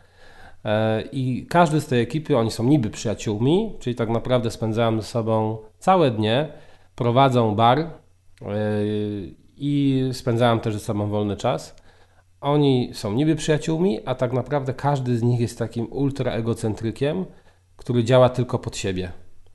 Czyli chociażby, no wyobraźmy sobie odcinek, w którym, no nie wiem, y, wylatują na samolot i ktoś tam się zaczyna spóźniać. To reszta zostawia go za sobą. Każdy kombinuje tylko, jak mm, dostać się do tego samolotu. Reszta w ogóle nie ma znaczenia. I to jest w tym serialu piękne. To właśnie, jak oni są niby znajomymi, a tak naprawdę każdy chce każdego wyrolować. E, Można to powiedzieć, że to jest właśnie serial, który jest oparty na czarnym humorze. E, To jest serial taki totalnie absurdalny. W ogóle już dla mnie absurdalnym motywem jest to, że y, dwójka głównych bohaterów to jest małżeństwo i tam non-stop praktycznie, no nie wiem, no może nie co odcinek, ale co dwa, trzy odcinki ten prawdziwy mąż no po prostu jedzie po tej, po tej swojej żonie. I to takie, wiecie, odnośnie wyglądu, na przykład coś w stylu, że ona mówi, że brała udział w konkursie Miss w, w dzieciństwie, a on tak do niej, tak wiesz, tak, z taką twarzą zniesmaczoną, co? Jakim cudem z inną twarzą byłaś, czy co? Jak ty mogłaś brać udział w konkursie? Na to, jej, na, to, na to Dany DeVito, który jest jej tatą niby serialowym, mówi, o zawsze była brzydka, ale tam się starała i brała udział, nie? I tego, tego typu teksty tam są na porządku dziennym. W ogóle to jest pierwszy serial, w którym widziałem, jak koleś Amerykanin y, ma kalesony założone bo i całe dziurawe, śpi w tych kalesonach. Y, no po prostu jazda bez trzymanki. Y, tam są żarty naprawdę ze wszystkiego i ze wszystkich. Także jeżeli ktoś nie lubi. Znaczy, to nie jest serial, który absolutnie nie przystaje do obecnych czasów. Ja się w sumie dziwię, że on jeszcze cały czas trwa i cały czas go kręcą, bo no powiedzmy, że teraz jestem w tym ósmym tam sezonie, no to jest to, to są już lata, nie wiem, 2012-13, czyli już takie in, in, innego typu seriale wchodziły wtedy, a, tutaj no, no, tu nie ma granic. Czyli tutaj i są kwestie rasowe poruszane, i kwestie y, wyznaniowe, i kwestie y, y, seksualne. Tu naprawdę nie ma zmiłuj. E, jest cały taki świetny motyw, jak to ta ekipa w ogóle niszczy innych ludzi. Że tam z jakiegoś gościa, powiedzmy, który jest, no akurat nie będziemy spoilerować do końca, więc rzucam, że jest biznesmenem, nagle staje się e, biedakiem, dlatego że im jakby zaufał. Oni tak go sprowadzili na takie dno. E, często też tu była, no może nie często, czasami też tu bywa taki klaczny humor. E, dla mnie no to jest serial bez porównania. Jeżeli ktoś, ja sobie obejrzałem tego 2-3 odcinki i od razu w to wsiąkłem. Nie było tutaj tego progu wejścia, jak na przykład dla mnie był w The Office. Czyli rzeczywiście uważam, że wystarczy Wam przynajmniej ten pierwszy sezon, chyba 7 odcinków, żeby się w to wkręcić. Później ten dany DeVito przychodzi. E, I to też właśnie jest taka ciekawostka, bo jak zaczynali ten serial kręcić, to, to była w sumie tak, taka amatorska produkcja, która miała się składać z krótkich filmików e, i w zasadzie każdy z tych, każda z tych postaci, prawie każda, się znała ze sobą. I oni tworzyli we trójkę trzech jakby kumpli, stworzyło ten serial, w którym oni grają główne role, plus dołączyła do nich właśnie jedna aktorka. No a w drugim sezonie Danny DeVito oni zaczęli to naprawdę amatorsko kręcić, używając rzekomo kamery takiej stosowanej właśnie totalnie amatorsko. Rozsyłali te swoje odcinki do różnych stacji w końcu jedna z nich się zgodziła opublikować ten materiał, ale zaznaczyła, że tutaj musi być zmiana, bo oni sobie wyobrażali ten serial jako grupa aktorów rozpoczynających życie w LA. Na to stwierdzono, że no, to nie przejdzie, bo tego jest za dużo podobnych seriali, więc zrobili serial o ekipie, która prowadzi bar. No i też, żeby nie powtarzać tego schematu LA, to stwierdzili, a to przeniesiemy to do Filadelfii, gdzie no, klimat Filadelfii to chyba każdy dzisiaj wie, że nie jest taki idealny mhm. ale świetnie się wpasowuje właśnie w, te, w ten taki brud, w ten żart, taki, taką podłość tego serialu. Nie? To jest serial, w którym się śmiejesz z tego, jakie kto zrobi chamskie komuś innemu y, dowcipy. Ale to nie są na zasadzie, wiem, wiecie, slapstickowego humoru, nie? Tylko właśnie takiego czarnego humoru. Y, no nie wiem, moim zdaniem jest to mega. Ja w życiu się nie spodziewałem serialu, w którym no, ojciec będzie tak jeździł po swoich dzieciakach, nie? Albo albo mówię, przyjaciele tacy niby na zawsze, a tu każda jedna sytuacja, żeby tylko wykorzystać ją przeciwko komuś innemu, bo ja będę miał lepiej. No tu, tu naprawdę są akcje pokroju babki, która się zastanawia nad tym, czy by, zostać surogatką i daje, kurde, całą swą ofertę na że wiesz, za dwójkę dzieci to zniżka, za trójkę jeszcze większa zniżka. No tego typu akcje, nie? Y, jest, nie, no po prostu wątki są przekomiczne. I to jest naprawdę ten typ serialu, gdzie bywa, że siedzisz i w pewnym momencie wybuchasz śmiechem, nie możesz przestać się śmiać z tego, co widzisz na ekranie. Dla mnie coś kapitalnego e, to właśnie, że taki on był jakby intymny, w sensie, że to taki amatorski kompletnie, to też jest na jego plus. Podobno mówi się, że w ogóle pierwsze odcinki to, to, to koszt 200 dolarów, czy pierwszy odcinek to wyprodukowanie jego kosztowało 200 dolarów, czyli bardzo tanio zrobiony. Do dzisiaj trwa, do dzisiaj jest otoczony kultem. Patrzyłem sobie na recenzję tego serialu również i one naprawdę są bardzo takie topowe. Y, nie zauważyłem przy okazji tych kolejnych sezonów, które akurat ja widziałem, żeby tam jakiś był spadek y, jakości w odcinkach. Y, no, coś wspaniałego. Rewelacja, bardzo polecam.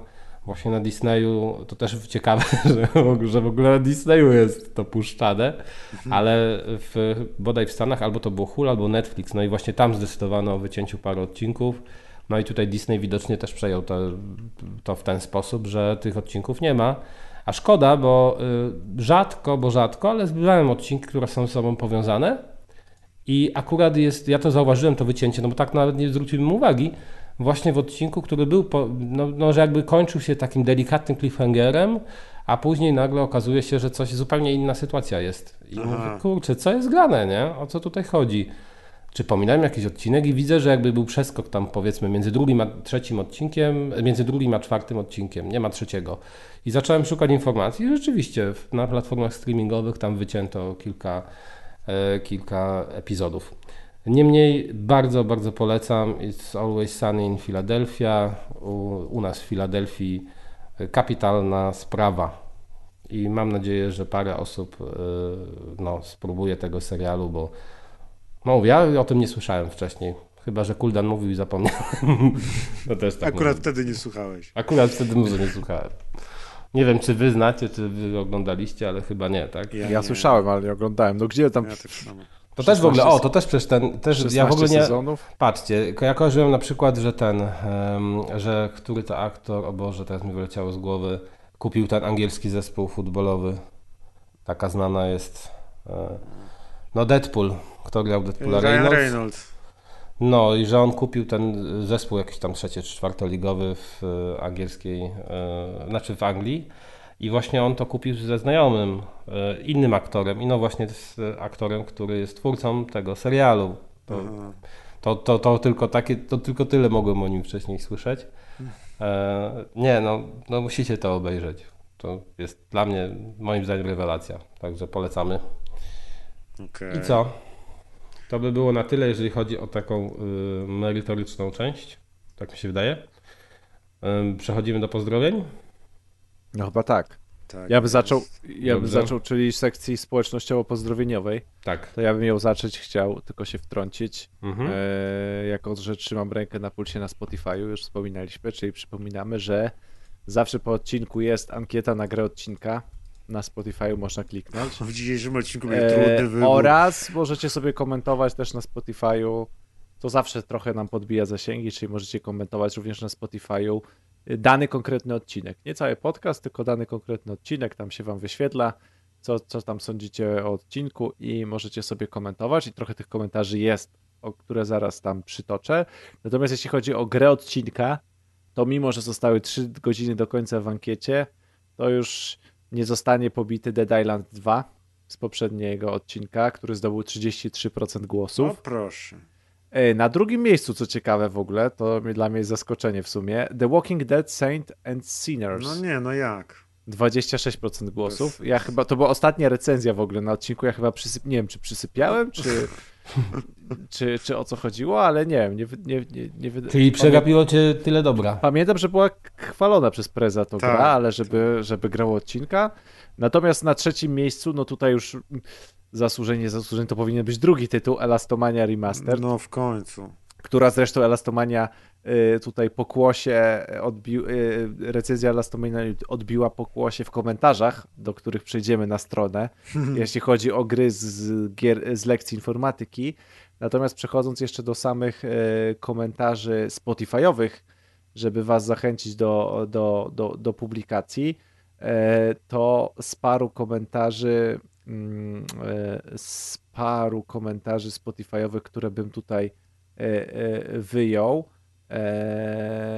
to na przykład Paweł pisze, że odcinek mu umila podróż do Byt, z Bydgoszczy do Katowic, że słucha nas od samego początku, czyli jak rozumiem od 12 lat i zaczął, e, i zaczął słuchać, kiedy jeszcze jeździł busem z towarem do klientów. I poleca, kiero, e, poleca podcast kierowcom, bo to a propos mojego pytania, gdzie ludzie pracują, że nas potrafią Nie. słuchać w pracy. Łukasz z kolei pisze, że nas słucha w łóżku zasypiając, nasze rozmowy uciszają jego własne myśli, niestety wiąże się to z tłumieniem śmiechu i często jest trudno zasnąć. Eee, Hubert z kolei w tym samym temacie pisze, że przeważnie słucham was w pracy, magazyn, ale ten odcinek wyjątkowo wciągnąłem w weekend, ogrywając nowe DLC do Vampire Survivors. Gra wciąga jak bagno, więc odcinek szybko eee, szybko zleciał. Eee, Kuba z kolei pisze, a propos recenzji chyba Anno konsolowego, że co do myszki i klawiatury na PS5, to jest kilka gierek, które obsługują taki sprzęt. O proszę. Na przykład City Skylines da się grać na myszce i klawiaturze na konsoli oraz w Dudi. O kurde. A to, że w Dudi się da, to wiem. Natomiast jeśli chodzi o crossplay, to jak się podłączy myszkę i klawiaturę pod konsolę, to i tak na liście multiplayerowej się widnieje, że się ma myszkę i klawiaturę, a nie, że konsolowy pad. Aha, no Wiesz, że jak na PC się podło- że jak się na PC podłączy pada i się gra na padzie na PC, to się wyświetla, że się jest padowym graczem, a z kolei na konsoli jak się podłączy klawiaturę i myszkę, to się jest PC-ciarskim graczem, tak? Tak Czyli, powinno być. czyli, czyli, czyli podział jest ze względu na kontroler, a nie ze względu na Platformę. E, na Platformę. platformę. E, Tu jest jeszcze parę komentarzy, że prez zachęcił do spróbowania The Walking Dead i tych komentarzy jest kilka. To znów mnie zaskakuje, No, bo to coś tak przegapiłem. nieźle. E, przegapiłem. E, Pal jeszcze pisze, pozdro dla wszystkich, Vampire Survivors, Survivors również jest za darmo, na mobilki tak jak Elastomania, odcinek top standardowo, skandalem jest natomiast brak Liero w ankiecie. No bo Liero E, nie było na rozpisce. Liero nie było na I rozpisce. dlatego go nie było w W. Liero graliśmy i był fragment y, głosowego gameplayu. Tak. Zresztą Bartek również napisał, zresztą również napisał, że zapis audio z grania w Liero to złoto. Bo jak ktoś nie dosłuchał ostatniego odcinka, to e, w loopersach, tak? Jest zapis. Tak, tak, Tak, już w loopersach odcinka jest zapis e, grania naszego w, w, e, w Liero, jak sobie graliśmy parę minut. Tam musiałem wyciąć, bo na początku były śmiechy, chichy i gadki, ale im dłużej graliśmy, tym większa zapanowała cisza i skupienie nad grą, więc tak naprawdę wcale, cały czas nie gadaliśmy. Ja tylko Na zauważyłem, że nic się nie zmieniło u mnie przez 20 lat i cały czas jak przegrywam w gry, to po prostu klnę jak szewc, więc, więc mało się zmieniło.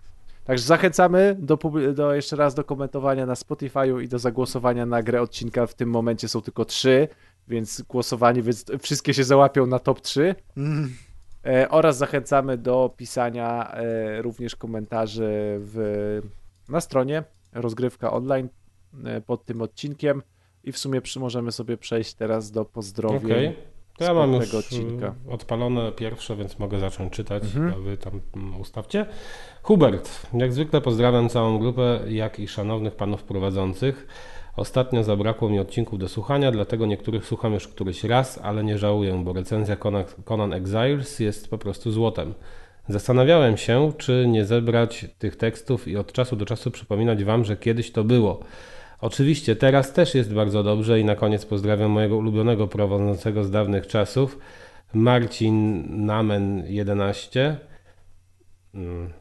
Ulubionego pozdrawiającego z dawnych czasów. A, Marcina pozdrawiającego, ojeju. 11, no. Bo już zgupiałem, myślałem, że tutaj może o Zastanawiałeś Altairusa się, czy my chodzi. nagrywaliśmy z Marcin Menem. Nagrywaliśmy z Altairusem, ale mówię, to Mar- tak To miał, nie nikt nie pamiętam. To nie ten Marcin, okej. Ale Altairusa też pozdrawiamy, jeżeli słucha. Tak jest. Rozgrywka uczy i bawi. No i przyszedł Marcina Chływę też pozdrawiamy. O, PS. Idealnie w dzień podcastu były moje 18 urodziny, więc ten odcinek przesłuchałem już legalnie. Następny natomiast będzie w dzień matury z angielskiego, więc życzcie mi powodzenia. Także życzymy powodzenia. Życzę E, powodzenia, aczkolwiek publikacja jest pewnie już po maturze, bo angielskie jest chyba rano, publikacje są zwykle po Dzisiaj czytałem, że Dzisiaj chat był GPT polski. napisał już maturę z polskiego i podobno pani, która sprawdzała, stwierdziła, że lipa. O Tak, po angielsku było pewnie.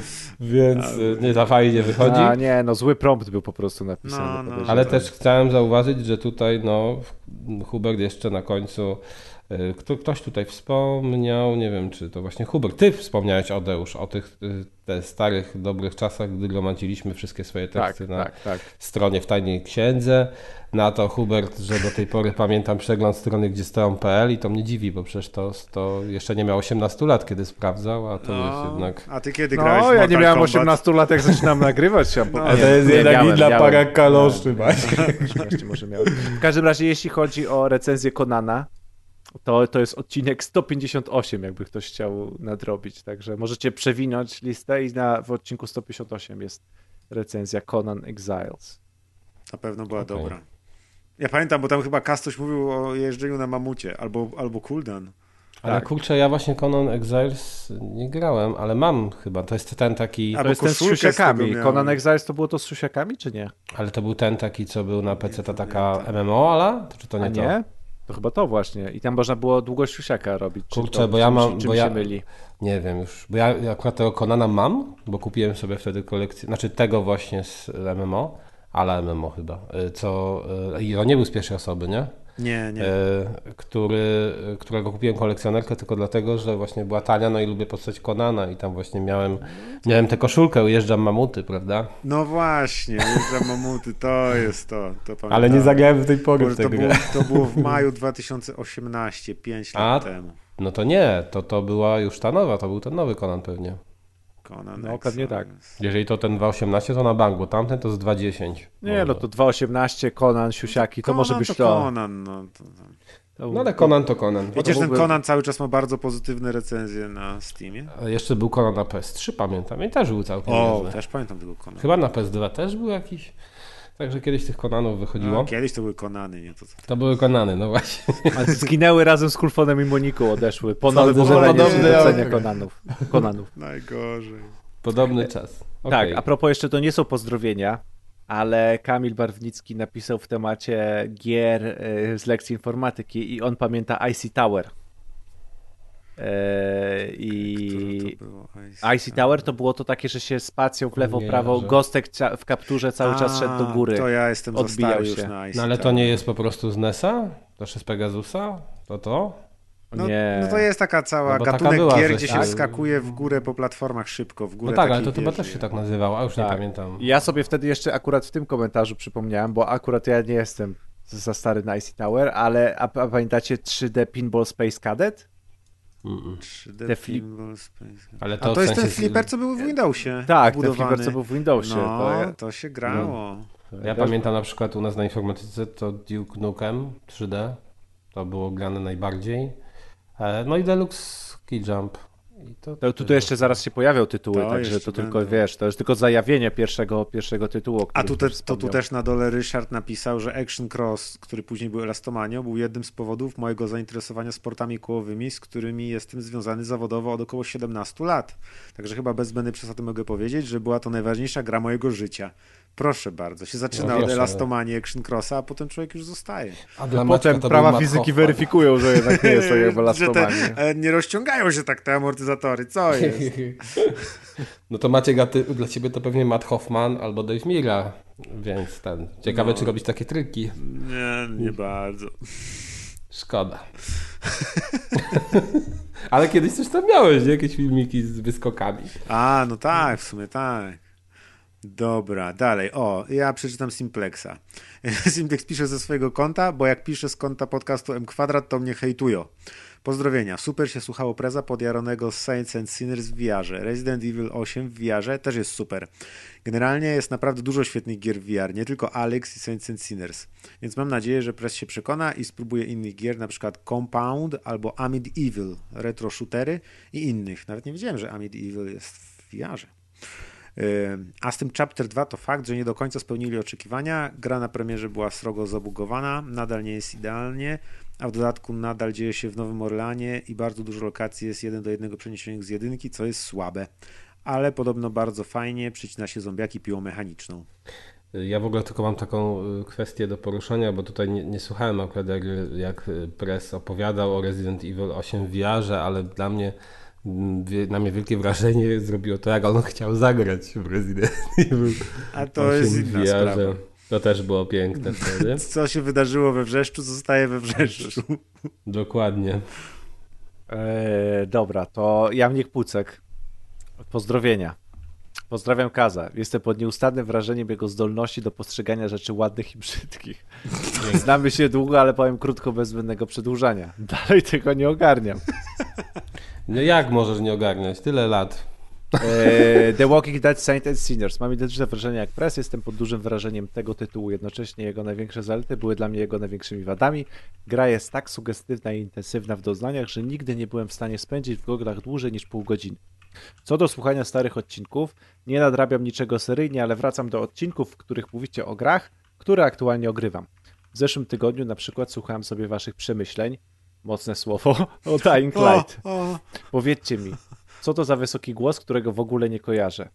No i ostatnia rzecz, uda wam się wepchnąć trochę kulturki do kolejnego odcinka. Mam wrażenie, że w kinach ostatnio dzieje się sporo dobrego. E, No widzisz, no Czyli udało najpierw- się wepchnąć. Czyli, czyli najpierw, e, tak, tylko że to nie leci w kinach, co A wepchnąłeś. to, Ale o ile, a o ile wiem, to Jamnik Pucek już zaczął oglądać e, właśnie Filadelfię, więc... a ja A byłem... co do kin, to a ja chyba byłem- Evil, Evil Dead Właśnie, byłem na tym Evil Dead Rise i jest nawet niezłe. Muszę przyznać, że... Czyli recenzujesz. Spoko. No, więc to jeszcze taki ekstra kącik kulturalny. Można obejrzeć. Jak na horrory, które ostatnio wychodzą, to ten jest całkiem niezły i ma parę takich momentów, które podnoszą włosy na ciele. Naprawdę? No, O. ale raczej z takiego powo- jest taki fajny, bo straszy w taki sposób, który mi się podoba, czyli w taki sposób, gdzie y, czujesz pewien dyskomfort, y, powiedzmy patrząc na to, jakby to powiedzieć, jak się na przykład ludzkie ciało zachowuje, tak jak w tych wszystkich właśnie opętanych horrorach, gdzie to człowiek jest powykręcany i tak dalej, nie? To Ale to, dobra, ale to powiedz mi, czy to ma jakby, bo dla mnie pierwszy Evil Dead był jeszcze taki um, horrorem, który był taki e, w miarę straszny. Deusz, jak żujesz, to wyciszaj mi go. daj mu rzuć, on jest chudy, niech, je, niech żuje te liście jarmużu.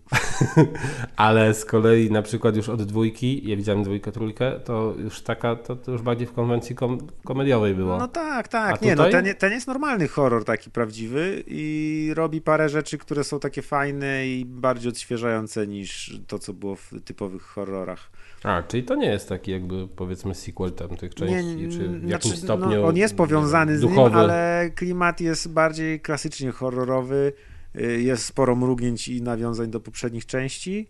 Ale, ale jest podobnie jak zresztą ten reboot, który był tam parę lat temu, czy, czy No właśnie nie widziałem tego. dosyć dawno też. Tamten też jest taki na poważnie i niby taki straszny. Nie wiem, który jest w sumie straszniejszy, ale tutaj były takie fajne momenty, które sprawiły, że doceniłem, że o, fajnie, że to tak nakręcili, bo jest to takie coś, co nie straszy na zasadzie, że o Boże, coś wyskoczyło i mnie przeraża, tylko Mm. patrzysz się na pewną scenę i na przykład tam jest, nie wiem, postać, która stoi się na ciebie cały czas patrzy i powiedzmy, wiesz, na przykład po 10 sekundach jego patrzenia, ty nagle zaczynasz czuć taki dyskomfort, nie? Taki lekki niepokój, że o co chodzi, czemu to ujęcie się na przykład nie kończy, czy coś. No może nie jest taki super psychologiczny, bo to jest jednak slasher gore, jest tam mnóstwo flaków krwi, naprawdę dużo tego jest, takich obrzydliwych scen mięsistych, yy, ale jest taki, no widać, że się tak postarali. Ktoś tam się postarał zrobić, żeby to było dosyć nieprzyjemne. A nie będę spoilować nawet, co się na końcu pojawia, ale jest tam coś, co mi przypomniało, powiedzmy, jeden z momentów z The Last of Us 2 i w, z walki z mm, potworami, bossami właśnie w The Last of Us Mm. 2. Mhm. Więc nawet mogę polecić, chociaż pewnie zanim ktokolwiek tego przysłucha, to już to skin, skin wyjdzie. A ja z kolei słyszałem, że bardzo dobrym filmem jest anime, które obecnie grają w kinach. Chyba to anime. A w sensie no, animowany, ale no, chyba japońskie. Suzume się nazywa. I też już paru źródeł, nawet chyba Tomek Pieniak też pisał dzisiaj coś na No ja ten też temat. jakieś tam... A Jarek Ogończyk też to oglądał i wszyscy są O, zachwyceni. No, czyli I to cały czas w kinach leci. bajki. Nawet w przyszłym tygodniu patrzyłem, że ma być, więc Ale to trzeba do kina iść. No, trzeba, trzeba. Okej. Ja ostatnio też oglądałem Slumdog Millionaire. Fajny był. Mm. Jak ktoś chce nadrobić film sprzed 15 lat. Ja ostatnio Robocopa, to jest... Pamiętajcie, że Oscara kurna. Dobra, no to takie rzeczy to ja też tam oglądam. No, to każdy oglądał, To ma- kto chciał. To, to Maciek ogląda co tydzień w Polsacie takie. No. No, człowieku. I TV4, nie? Tak? Człowieku. Nie, teraz nie ma TV4, jest coś innego, tak? Jest, no, na Paramount polecam, dobry film. Ale nie, na lecą do TV4 Paramount też jest chyba, nie? Jeszcze Jest stacja. TV4? Chyba jest, bo 4 TV6, te wszystkie inne tam. No, Ja teraz się TV6 przymierzam gdzieś. Critersy obejrzeć, bo dawno nie oglądałem Critersów. To tak z pierwsze dwie części przydałoby się Mi się przypomnieć. zawsze z tymi, jak to się z gremlinami mylą, zawsze mi się to jakoś myli. Mylą, kojarzę Jezu. to W sensie, że muszę, ja mówisz mi klitersi i myślę gremliny. Ja byłem teraz na majówkę w domu, gdzie jest telewizor i sobie to śniadanie odpaliłem. Ja pierdolę. Co leciało? Powiedz fajnego. Leciał taki program, bo to, były, to, był ten dekoder cyfrowego Polsatu, więc U, na jedynce był najlepszy. Polsat. I na tym Polsacie w 2023 roku, słuchajcie, był program, nie znam jego nazwy, ale idea była taka, że są dwie rodziny, jedna jest biedna i jedna jest bogata. Się I zamieniają się domami.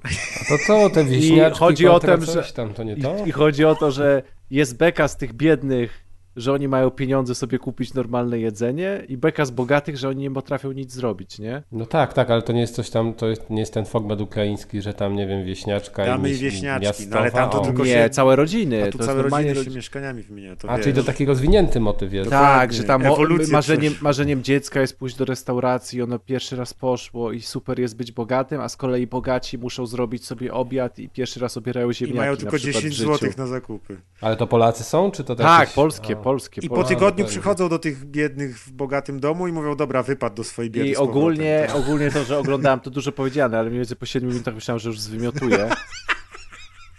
Jak pomyślałem, No i- że w 2023 roku rozrywką jest pokazywać, że bogaci nie umieją obierać ziemniaków. Dobrze, ale nie? wejdź sobie na Instagrama, to zobaczysz, co Na tam się TikToka. dzieje. Na TikToka, na te inne, no dobra. Ale w ogóle to rzeczywiście jestem, y, znaczy mam wrażenie, że ten film Idiokracja to jednak Aha, jeszcze oglądałem e, ten, jeszcze oglądałem, czekać, drugi serial, to było na kolejnym tym, było e, było Ukryta Prawda? No Coś jest chyba jest takiego. Nie, no. tak? Coś No to takiego? taki jeden z tych wszystkich tam. Ale to, Ja, to i tam w ogóle jakiś był motyw sekty, że gość, Deusz gość- odkrywa telewizję. gość poderwał. Ale De, Deusz, Deusz to jest trochę tak jak, ty, jak w tych filmach amerykańskich, że Słuchajcie. wracasz na przykład do swojego pokoju i mama tam nic nie wymieniła, wiesz, wchodzisz, a tam, nie wiem, lata 2001 na, na tapetach Ale i ten telewizor i odpalasz? Bo... Ale to jak tam jest czwarta ściana łamana, to jest niesamowite, bo tam był, temat był taki, że e, e, rozwiedzione małżeństwo miało dziecko, dziecko było pod opieką matki. Matka poznała gościa, okazało się, że ten gość jest przywódcą jakiejś sekty, która to jest, czekaj, jakiś domek paradokument, tak? Tak, tak. I że ma doku- e, że, i że ma i ten gość z sekty miał jakiś domek pod, pod miastem i tam miał już kilka żon, tam powiedzmy z siedem żon i ona miała zostać jego tam ósmą taką żoną. A jeśli chodzi o to dziecko, to, e, to ten ojciec zgłosił porwanie tego jakby dziecka, bo nie wiedział, co się z dzieckiem dzieje, bo oni chcieli, bo ten e, przywódca sekty namówił tą swoją nową żonę, czyli matkę tego dziecka, do tego, żeby sprzedać jedną ner- nerkę tego dziecka, żeby tam pokryć koszty utrzymania tej sekty. No i oczywiście ona się zgodziła pod wpływem guru sekty. Natomiast najbardziej zajebiste łamanie czwartej ściany jest tak, że ja wiem, że w tych dokumentach, paradokumentach są wywiady z tymi tam osobami, z tymi policjantami, co to przeszukują i tak dalej, ale najlepsze jest wywiady z tym przywódcą tej sekty. No, chcieliśmy, chcemy sprzedać, on siedzi w takiej, wiecie, białej koszuli i normalnie daje wywiad. No, chcieliśmy sprzedać nerkę tego dziecka, bo coś tam, coś tam. I tak myślę, jak w ogóle to można oglądać, kiedy mamy wywiad matki, która jest poszkodowaną, wywiad gościa z sekty, który chce to robić, więc już kompletnie żadnej zagadki nie mamy. Mamy zaraz wywiad z policjantem, który ich ściga i jakby w ogóle linie czasowe się przeplatają. Totalnie nie ma żadnej y, y, osi takiej, totalnie nie ma żadnego momentu kulminacyjnego, nie ma żadnego podziału na akty, bo wszystko od początku wiadomo i na, i na cholerę w ogóle ten przywódca sekty w ogóle daje komukolwiek wywiad przed Ale tą przecież kamerą. takie, takie programy są mega popularne. One już tak popularne są pewnie z 10 lat. Więc to widocznie to trafia do ludzi. Mnie i tak najbardziej tam szokuje no, poziom też aktorstwa, bo go nie ma. I ja w ogóle, jak widzę coś takiego, to nawet nie, zgłę- nie zgłębiam tej fabuły, bo od razu to przełączam, bo nie mogę oglądać ze względu na aktorstwo. Więc ja nie, też nie rozumiem fenomenu. no ale istnieje. Jak widać, coraz więcej takich rzeczy powstaje. W ogóle kiedyś ten, analizowałem sobie ramówkę, wziąłem sobie ramówkę z dzisiejszych programów telewizyjnych i wziąłem sobie ramówkę właśnie z lat 90., bo są cały czas dostępne. To na przykład szokiem było dla mnie to, że było znacznie więcej seriali na przykład amerykańskich, takich, no wiecie, tam jakieś drużyna i te, te sprawy. Teraz tego praktycznie nie ma. i było bardzo dużo teleturniejów, a teraz wróciły znowu teleturnieje, ale tam jeszcze z 4-5 lat temu niekoniecznie. O! I właśnie, jeszcze oglądałem Wabank. I, o, no czyli wróciło na dwa bank. Y, Ale- I wygląda tak samo, tylko w wyższej rozdzielczości jest. może nie ale teraz ten sam para grafik. dokumentów jest Ten pełno. sam grafik. Do Photoshop 15 jest same paradokumenty. CS6, także... Może to był stary wabank. Nie, nowy był Wabank. Czy Nowy- Kaczor prowadził? Musi być. Nowy, waba... nowy Wabank, tylko że jest ta sama szata graficzna, tylko w wyższej rozdzielczości leci. Teraz, A no, dokład- teraz koło Fortuny Norbi prowadzi to. I jest takie przejście, wiecie, jak macie w PowerPoincie slajd, że się slajd obraca wokół własnej osi, to jest takie same przejście między Wabank, a No to ujęciem jest z kamery. format, że oni się... nie mogą tego zmienić, nawet za 200 lat będzie tak samo wabank wyglądać, no. Nie Także, można tak no, zmieniać. niewiarygodnie. Mi się przypomniało a propos filmów jeszcze, że byłem na Dungeons and Dragons, y, y, ten złodziejski honor. I był całkiem spoko. Rzeczywiście dołączam się do tych głosów, które są zadowolone z tego filmu. Na pewno jest to najlepszy z tych wszystkich Dungeons and Dragons filmów. Chociaż trzeba się nastawić, że jest rzeczywiście taki dosyć komediowy i taki łamiący czwartą ścianę. Ta kreskówka kiedyś była dobra, co też w polskiej telewizji leciała. No, okej. Okej. Znaczy, nie, nie wiem jak dzisiaj byłaby, wiesz, odbierana, No, ale dzisiaj to by jej pewnie nie puścili, bo na pewno byłaby nieodpowiednia. Ale, O! ale muszę jeszcze przyznać, wiem, co jeszcze oglądałem chwilę. Azja Express, które się działo kurwa w Gruzji. No fajnie. Jest w ogóle niewiarygodne. To jest taki teleturniej, słuchajcie, wiecie o co chodzi w Azja Ja wiem. Express? Ja słyszałem, że jest. Że tam są tacy celebryci, którzy muszą y, łapać stopa ścigają I- się bez pieniędzy bez pieniędzy, kraje. bez pieniędzy w Azji, I czyli jeszcze- w Gruzji. i jeszcze robią zadania różne kretyńskie. Bo wiecie, no jakby Gruzja jest tutaj, y, nie wiem, dla telewidzów z Polski Gruzja jest niby takim krajem, że e, orientalnym, jak rozumiem, mimo że tam do Gruzji trzy loty dziennie są i normalnie sobie można na wakacje polecieć. No to Ale Chin też są pewnie trzy loty Egiptu też są pewnie z 20 lotów. To... Więc, więc, więc jest krajem egzotycznym i oni tam jeżdżą na stopa i śpią w tej Gruzji i robią jakieś takie dziwne zadania, y, ale to po prostu jest po prostu poziom e, jakiegoś takiego w ogóle europocentryzmu i jakiegoś takiego patrzenia na świat z punktu widzenia polskiego układu dnia i w ogóle spojrzenie na inną kulturę jest niewiarygodne. Jest, jest tak absurdalnie. W ogóle wydaje mi się, że w ogóle jest rasistowskie. Zacznijmy od tym, że ten program wydaje mi się, że jest w ogóle rasistowski. To, jak jest w ogóle wykonany jak jest bardzo o niczym, że tam się po prostu na przykład przez No 20 jak minut no nic nie dzieje. się. Wyścig Oraz trafiłem taki. w ogóle na jakiś odcinek, że pokazywali, jak psy się zagryzają. To już jest w ogóle jakiś absurd. Może to był lokalny koloryt i chcieli pokazać. I, I to jest w ogóle, no powiem wam, że naprawdę, no nie wiem, wydaje mi się, nie, tele, albo telewizja była zawsze popłynięta, albo ona po prostu popłynęła w jakimś takim kierunku. Ja nie wiem w ogóle, kto to ogląda. To jest Ona popłynęła z internetem, no jak to? Przecież masa ty- ludzi to ogląda. To jest jeden z popularniejszych chyba programów, bo on już ma, nie wiem, Jak siedzisz sezon. w domu, jest 15 i nie masz co robić, bo już pranie zrobiłeś i ten, to włączasz telewizor i robisz obiad do tego. No. Kiedyś miałeś agenta, teraz masz to. Nie, I niewiarygodne. Fort to, Boyard był jeszcze. niewiarygodne to jest. Ale to jest po prostu tak gówniane, że to się powinno, bo to nie jest złe, to jest po prostu, to jest, Ale to, Deusz, może zrobimy taki kącik, że ty poznajesz telewizję. Tam każde zdanie jest absurdalne, nie? To jest, nie, po- pomijam fakt, że to jest zrobione, wiecie, na Ty- dwie kamery. Tam jest w ogóle montaż, tam jest w ogóle urywane są sobie rzeczy w obejrzyj. montażu. Ty, ty nie widziałeś najlepszych programów. No, jeden, chyba, nawet nie pamiętam tytułu tego Zobacz programu. sobie Lombard. To nie. Aha, i w tym Azja Express są celebryci. Ja wiem, że ja nie jestem w celebryckim świecie, ale jedyną osobą, którą znałem była Reni Jusis. To i tak dlatego, że był podpis, że to jest Reni Jusis, bo po twarzy nie poznałem, bo jak sobie zobaczycie, jak wygląda Reni Jusis? To nie, pomyśleli, nie pomyślelibyście, że Jusis ma Deusz, 49 lat. Jest taki program, w którym goście siedzą na kanapie i oglądają telewizję. A I jest. kamera No, ich to wiem, też kiedyś tam. Wiem, wiem, No, to, więc- to, to wiem, że jest. Nie widziałem więc tego to jeszcze. jest- Nie trafiłem na to jeszcze. Muszę Ja czekam, aż będzie film o gościach, którzy oglądają gości, którzy oglądają gości, którzy oglądają telewizję. Nie, którzy oglądają streamerów. Albo O. którzy oglądają, no właśnie, streamy. Nie? I na Oni. tych streamach ktoś ogląda gości, którzy oglądają telewizję. Straszne. Ja, że ja, To się za cieszę, że, ja się cieszę, że pierwszą zmianą lokatorską w mieszkaniu, jaką zrobiłem, to nie mam gniazdka RTV, także żeby Nawet mnie nigdy nie, kusi, żeby A mnie teraz nigdy nie wiesz, kusiło. Zanim Teraz ty nie się musisz wprowadzisz, to będzie przez Tak? internet telewizja. Tak, no jest już I przecież. będziesz mógł A, oglądać okej, sobie dobra. Azja Express z Gruzji przez internet. wystarczy ci telewizor. I masz na przykład aplikację na Kanał Plus, wykupujesz Kanał Plus i sobie masz Tylko program. do Kaza się zapytaj, jaki telewizor, żeby, wiesz, nie miał opóźnień, Jaki z kanał plus box, aplikacji. bo tam są z boksami właśnie, problemy. Właśnie, właśnie. No, są boksy.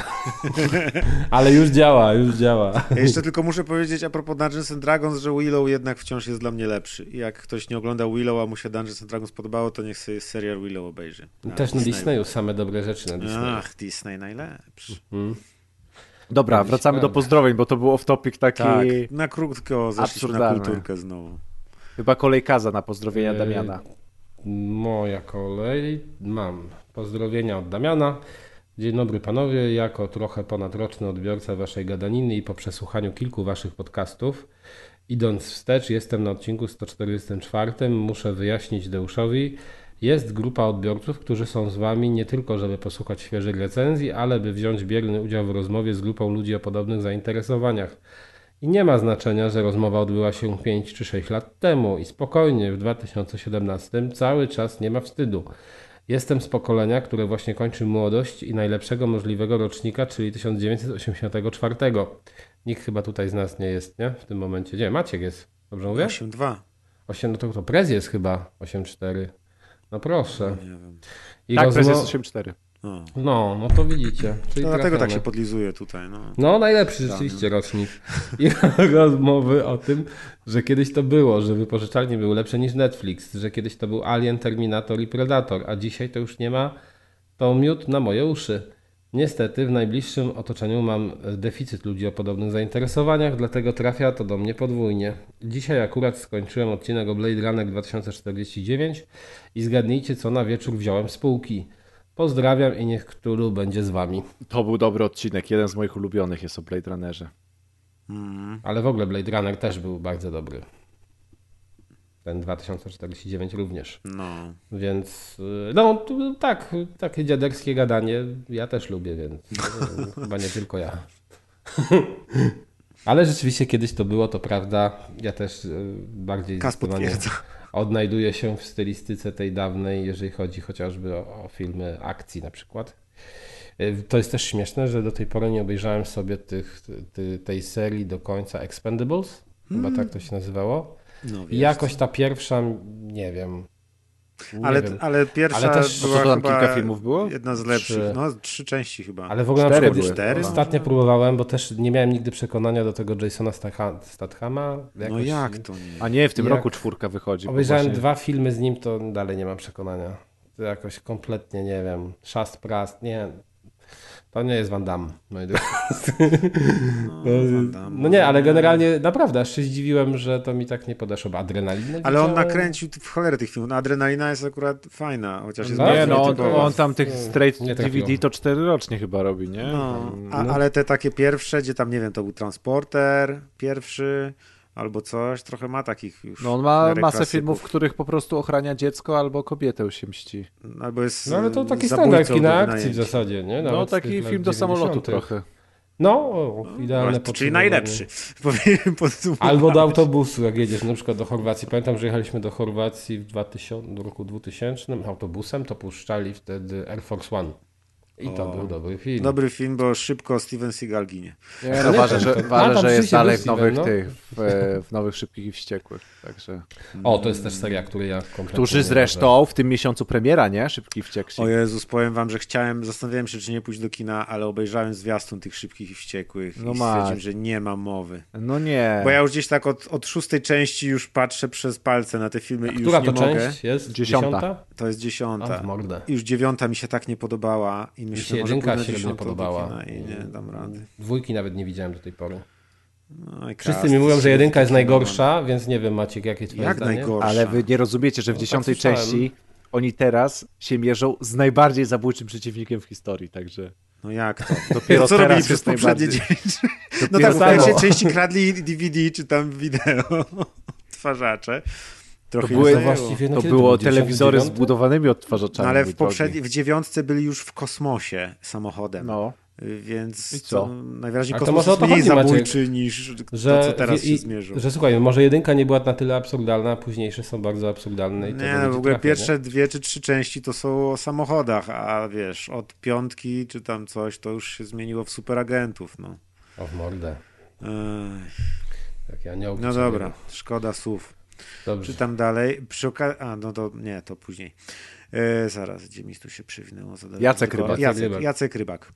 E, pozdrowienia. Cześć, to moje pierwsze pozdrowienia, pomimo tego, że słucham Was już 5 lat. Pozdrawiam całą ekipę podcastu oraz chciałbym wyrazić głęboką tęsknotę za durnym poczuciem humoru Atka i miodnym głosem Kuldana.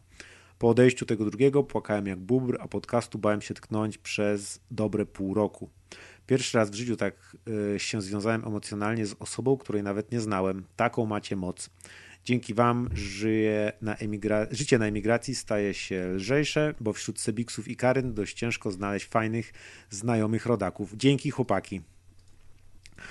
Y, resztę komentarza sobie pozwolę nie czytać, bo tu są brzydkie wyrazy i jakieś nieporozumienia i tak dalej. Więc hmm. tu może skończę, ale przy okazji wpadłem na taki pomysł. Nie wiem, czy wy się też zastanawialiście, że jak ktoś pisze pozdrowienia i na przykład pisze pozdrowienia, pozdrawiam coś tam, coś tam, a potem ma cztery inne akapity, to Wydaje się wam, że on chce, ta osoba, żeby to wszystko przeczytać jako pozdrowienia? Nie wiem, powinniśmy wprowadzić jak hashtag HTML-owy, czyli powinien być drugi hmm, pozdrowienia, dokładnie, tylko z, dokładnie. z backslashem. Dokładnie. Trzeba było coś, bo często ludzie chcą coś napisać, ale niekoniecznie to muszą być pozdrowienia i my tu czytamy, jak nas pozdrawiają, a potem czytamy czyjeś opinie Ale tutaj uwaga, ale tu też, tu też jest opinia z pozdrowieniami przecież. No jest, no ale chodzi mi o to, że może przydałoby się coś takiego właśnie zrobić, że tak, być może. jak piszecie pozdrowienia i na przykład skończycie już pozdrowienia, to albo zostawmy na naszym, albo zostawmy to naszemu subiektywnemu ocen, subiektywnej Aha. ocenie. Co wchodzi, to wchodzi, co nie wchodzi, to nie wchodzi. No można też Zero tak. zasad. Musimy, wiesz, trochę zostawić takiego sznytu garażowego. Nie do powiedzenia, A, żeby, dobra, nie, żeby było, nie było tak formalnie wszystko. Żeby że... nie było tak formalnie, składnia, tak. zamknięcie, Aha, Dobra. A możemy też zmieniać to, co ludzie, że ktoś coś napisał, a ja inaczej przeczytam zupełnie? Na przykład powie ktoś, że moim ulubionym podcasterem jest, a ja napiszę Razer. Możesz, pewnie. Dobra, no to fajnie. To jest tak garażowo, nie? Okej. Okay. to tak. się sprzeda. E, Mister November, pozdrowienia. Zabieram się do napisania tego komentarza od dłuższego czasu. Słucham waszego podcastu już ładnych parę lat. Chciałem wyrzucić z siebie dwie kwestie. Grami interesuje się całe życie. Od małego marzyłem, żeby o nich pisać i uzewnętrzniać się w jakiś sposób moje zainteresowanie. Tworzyłem swoje wersje magazynu o grach na tablicy korkowej, prowadziłem własną encyklopedię gier w zeszycie za dzieciaka. To wszystko wynikało nie tylko z pasji, ale przede wszystkim z tego, że nie miałem z kim dzielić swoich zainteresowań. Nigdy nie miałem kumpli, którzy kochaliby gry tak jak ja. Owszem, grali i grają, ale to zwykłe casualowe granie albo FIFA. Piszę o tym dlatego, że mega wam zazdroszczę takiej ekipy przyjaciół slash znajomych, z którymi możecie po prostu pogadać o grach, powspominać stałe tytuły, czy też po prostu pogadać w kooperacji czy multi. Kolejny temat, który chciałem poruszyć, to jak nasza pasja może przerodzić się w coś, co ma nad nami władzę. W moim przypadku mam taką przypadłość, że jak coś zacznę, to muszę skończyć. Załóżmy, pożyczyłem ostatnio Dying Light 2. Gram godzinkę, dwie i już wiem, że gra mi siedzi. Mam mega podobne odczucia nie do siedzi. Preza. Wiem, że gra jest dobra, solidnie wykonana. A, nie siedzi. Mm. Wiem, że gra jest dobra, solidnie wykonana, ale za bardzo e, e, nie za bardzo jest się do czego przyczepić, ale nie chce mi się w nią grać. Zamiast odłożyć taki tytuł i grać w to, co mam w danej chwili, na, w danej chwili ochotę, żałuję tych poświęconych dwóch godzin, które przybliżyły mnie E, już do ukończenia tytułu. Cholernie mnie to męczy, ale wiem, że muszę ukończyć ten tytuł. Sorry, że tak długo, ale uwierzcie, że to tylko skrócona wersja tego, co chciałem powiedzieć. W każdym razie mega się cieszę, że jesteście. Po setkach godzin spędzonych w waszym towarzystwie ma się wrażenie, że znamy się jak łyse konie i moglibyśmy gadać o wszystkim bez końca. Pozdrawiam każdego z osobna i tęsknię za Atkiem i Kuldanem. No to jest kom kolejny komentarz, który stawia Atkę Kuldana w jednej linii i to jest trochę creepy, bo Alek ma się jak najbardziej dobrze, także ale, ale chodzi też o poczucie humoru i w ogóle ja wiem, wiesz, charakter. Ja wiem, ale, ja losy tylko... się, ale losy się inaczej potoczyły. Tak, ja tylko powiem, że tu parsknąłem ze śmiechu a propos tego Dying Lighta, y, to nie było, że się y, tutaj y, śmieje z Mister Novembera, tylko że jeśli patrzę, że przejście Dying Lighta trwa 24 godziny, a on w drugiej godzinie czuje się na tyle zainwestowany, że szkoda mu ją porzucić, no to rzeczywiście tak trochę. Ale, ale są tacy ludzie. Czytam, czytasz książkę i musisz ją ukończyć. Właśnie Więc... kiedyś no, mieliśmy o tym rozmowę. Po, po pierwszym zawsze... rozdziale już się czujesz, że ten. Tak, ale właśnie kiedyś. Rozumiem, że jak ktoś jest w połowie albo w trzech czwartych Tak, właśnie chyba kiedyś mieliśmy o tym rozmowę na temat właśnie książek, chyba tak, i ja zawsze Może. mówiłem, że ja na przykład w ogóle nie mam problemu, żeby na przykład w trzech czwartych porzucić książkę. Mam masę książek, które doczytałem do połowy Ale- i szkoda już mi na czasu, ostatniej żeby stronie stwierdza, że nie obchodzi mnie kto zabił. Ja nie, mam, ja nie mam umiaru w drugą stronę, to znaczy ja potrafię sobie rozgrzebać po 4-5 i później y, jak mija czas, coś innego robię, zapominam co było w tych książkach i już do nich nie wracam. I zresztą podobnie czasami mam z grami, więc to też nie jest dobre. To chyba taki umiar we wszystkim jest najlepszą metodą na granie i na słuchanie i oglądanie. Ale też y, widzę ten komentarz odnośnie ludzi, którzy, e, no, że znajomi, którzy nie grają, to ja z kolei mam, znaczy z kolei mam taki też mm, czasem takie myślenie, że jakie to jest dziwne, że mam grono znajomych, z którymi mogę na przykład pograć w planszówki i jest zarąbiście, dla mnie to jest po prostu rewelacja na spędzanie wieczoru. E, Mówię o akurat imprezowych planszówkach, czyli wydawałoby się dla wszystkich, dla każdego, no ale mam też grono znajomych, którzy totalnie nie trawią tego i dla mnie to jest zawsze dziwne, że nie mogę tam pójść i nie mogę odpalić jakiejś gierki i nie możemy się pośmiać, bo to po prostu do nich nie trafia, więc no, ludzie są różni. Na No, pewno. dokładnie, to nic dziwnego. No. No może nic Ktoś dziwnego. inny lubi na przykład nurkowanie głębinowe, no i No tak, tak, ale tutaj bardziej mam takie casualowe rzeczy, nie? A nie tam. No ale wciąż są ludzie, którzy planszówek nie lubią w żadnej formie, ani w hardkorowej, ani w casualowej. No tak, są ludzie, tak, tak. którzy uważają, że właśnie granie są, jest dla dzieci, albo po prostu nawet nie lubią gier wideo. Dokładnie, my, no różnie można trafić, więc nie jestem w stanie uwierzyć, że tutaj akurat. No, Ja na nie pocieszenie powiem, że też nie mam absolutnie żadnych znajomych, którzy, znaczy w sumie tam trochę może grają, ale nie jest to jakaś, nie spotykam się z nimi, czy nie znam ich z tego powodu, że y, gry wideo nas łączą, więc tak naprawdę tylko tu z chłopakami z rozgrywki mogę sobie pogadać o grach, no ale mi to nie przeszkadza.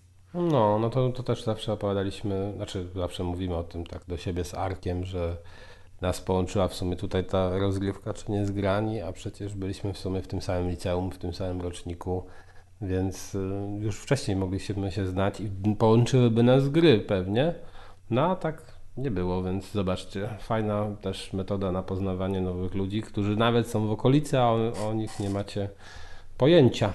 To, to właśnie internet rozgrywka na przykład.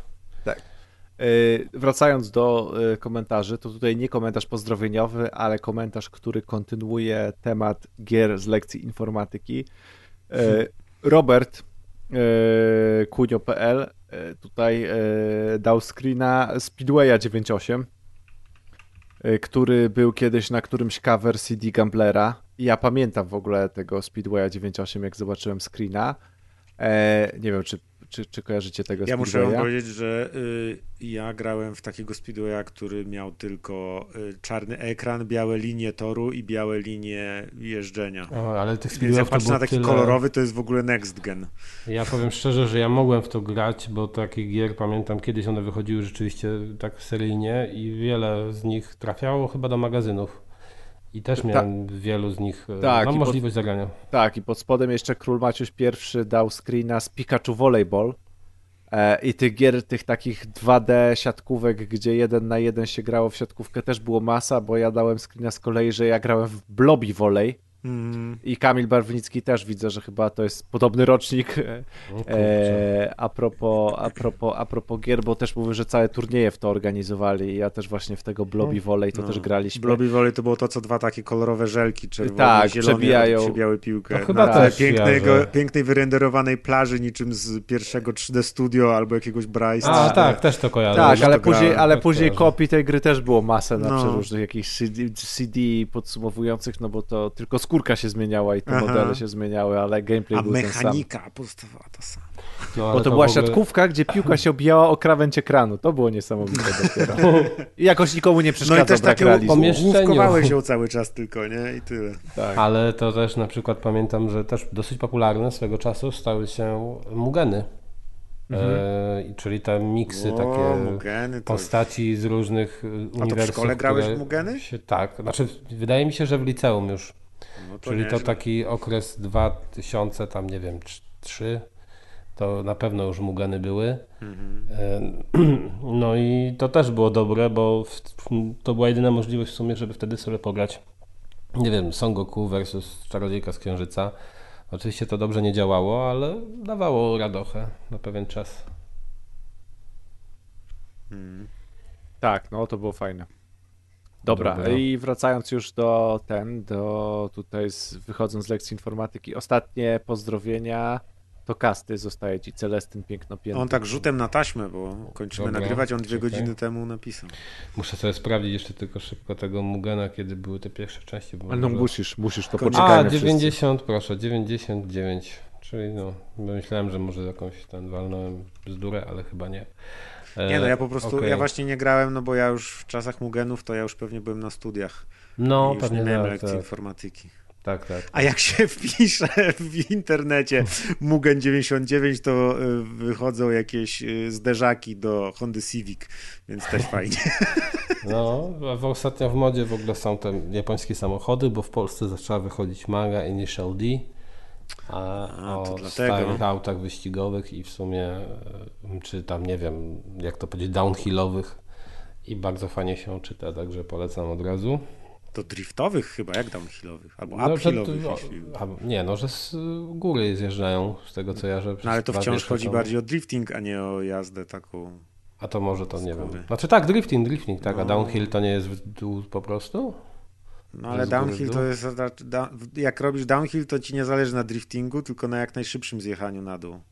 A tam, Ale tam właśnie o to chodzi, no to że tak oni muszą- że oni się Carbon. Ale że oni się ścigają w, tym, Tak? tej mandze. Tak, tylko że ten jeden właśnie nie ma taką o metodę driftu, Aha. że... Że jak driftuje, to jedzie szybciej. Tak, Tak, że przez to, w ogóle tam to w ogóle tej mandze jest tak O dobre, ja. że, że masz... Wpisałem, wpisałem tą mangę, co powiedziałeś i widzę na pierwszym screenie e, Toyota Sprinter.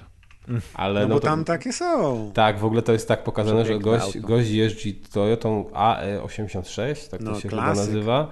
No i właśnie ona już jest przestarzała w tych czasach i tam na przykład inni goście mu wyskakują z jakimś lepszym samochodem i tam z nim się ścigają, a on jako właśnie mistrz tego driftu i w ogóle oczywiście on nie ma żadnej wiedzy o samochodach, nauczył się driftu dlatego, że woził tofu i No. jak najszybciej je miał przewieźć z punktu A do punktu B, no to nauczył się tak driftować, że ich wszystkich bierze na driftach i tam są takie, wiecie, że stoją ci ludzie, niby ob- obserwują jak się ścigają inni i tam, o patrz co on zrobił, o tutaj wykorzystał barierkę, się odbił, tam musnął i te takie szczegóły są tak zabawne. Ja Initial D nic nie czytałem, nic nie widziałem, ale wiem, że są i komiksy, i anime, nawet jest y, aktorski film. Tak chyba nawet gra na. Saturna była. Gry też są, no tak, jest super znana seria właśnie o kierowcy tofu i wśród y, takiego środowiska drifterskiego właśnie, czy to w Japonii, czy w innych krajach, to ta Toyota właśnie AE86 i cały Initial D to jest, wiecie, kult.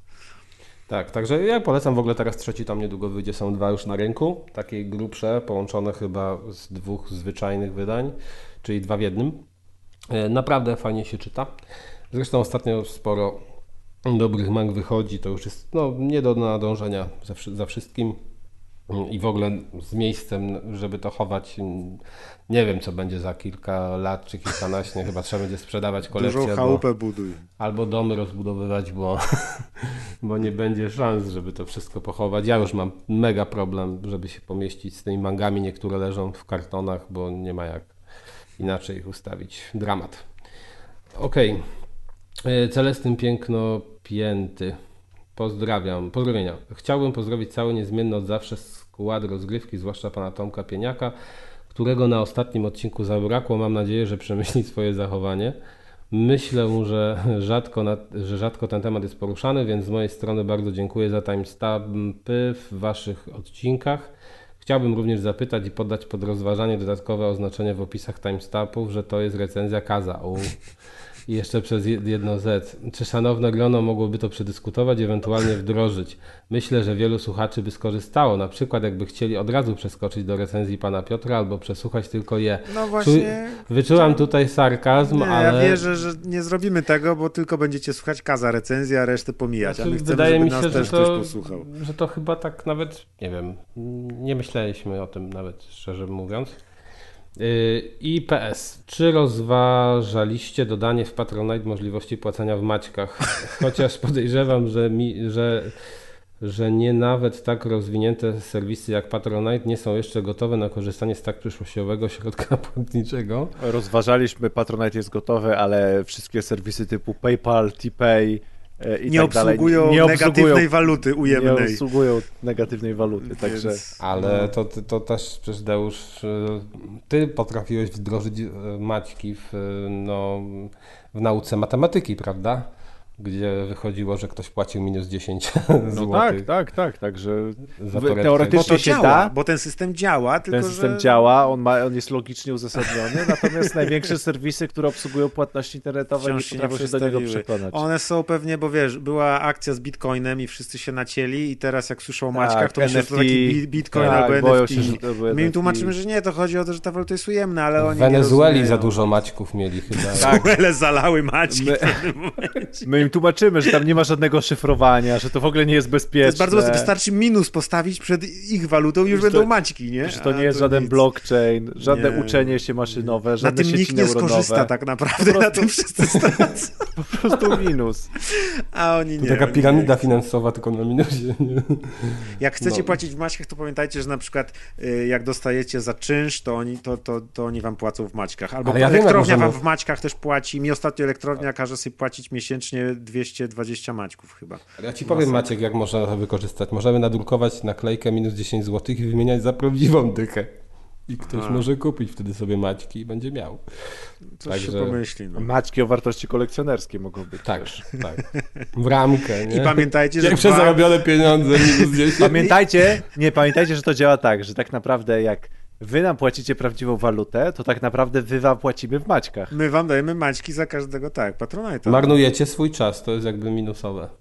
Nie, no jak ktoś nam daje pieniądze, to tak naprawdę tak jakby My jemu byśmy dajemy mu dali Maćki. Maćki. Czyli my na naszym Patronite rozdajemy wam Maćki. Są progi, gdzie rozdajemy 6 Maćków, ale też są takie, gdzie rozdajemy 100 Maćków, więc jak ktoś chce Maćki, to zapraszamy. Mamy ich mnóstwo, raczej się nam nie skończą. Możecie spróbować Nasze nas Maćki, przebić. nasze Maćki ogranicza wasz portfel. To jest jedyna taka waluta. Ale inflacja nawet jej nie zabije. Nie, inflacja, im wyższa inflacja, tym więcej Maćków. No. Ona się karmi deflacją. It prints money. O Boże, nie mogę. Potrzebujemy mema z Balcerowiczem jakiegoś o Niestety, niestety też, skoro jest to wszystko zgodne z prawami fizyki, ale nie matematyki, bo dwa Maćki nie dają dodatniej waluty. Balcerowicz Dwa Maćki to nie jest złotówka, to tak nie Tak. działa. Dwa Maćki to wciąż są dwa Maćki. Dobra, powiem wam tak, na koniec, bo już nie mamy jeszcze dodatkowego kącika.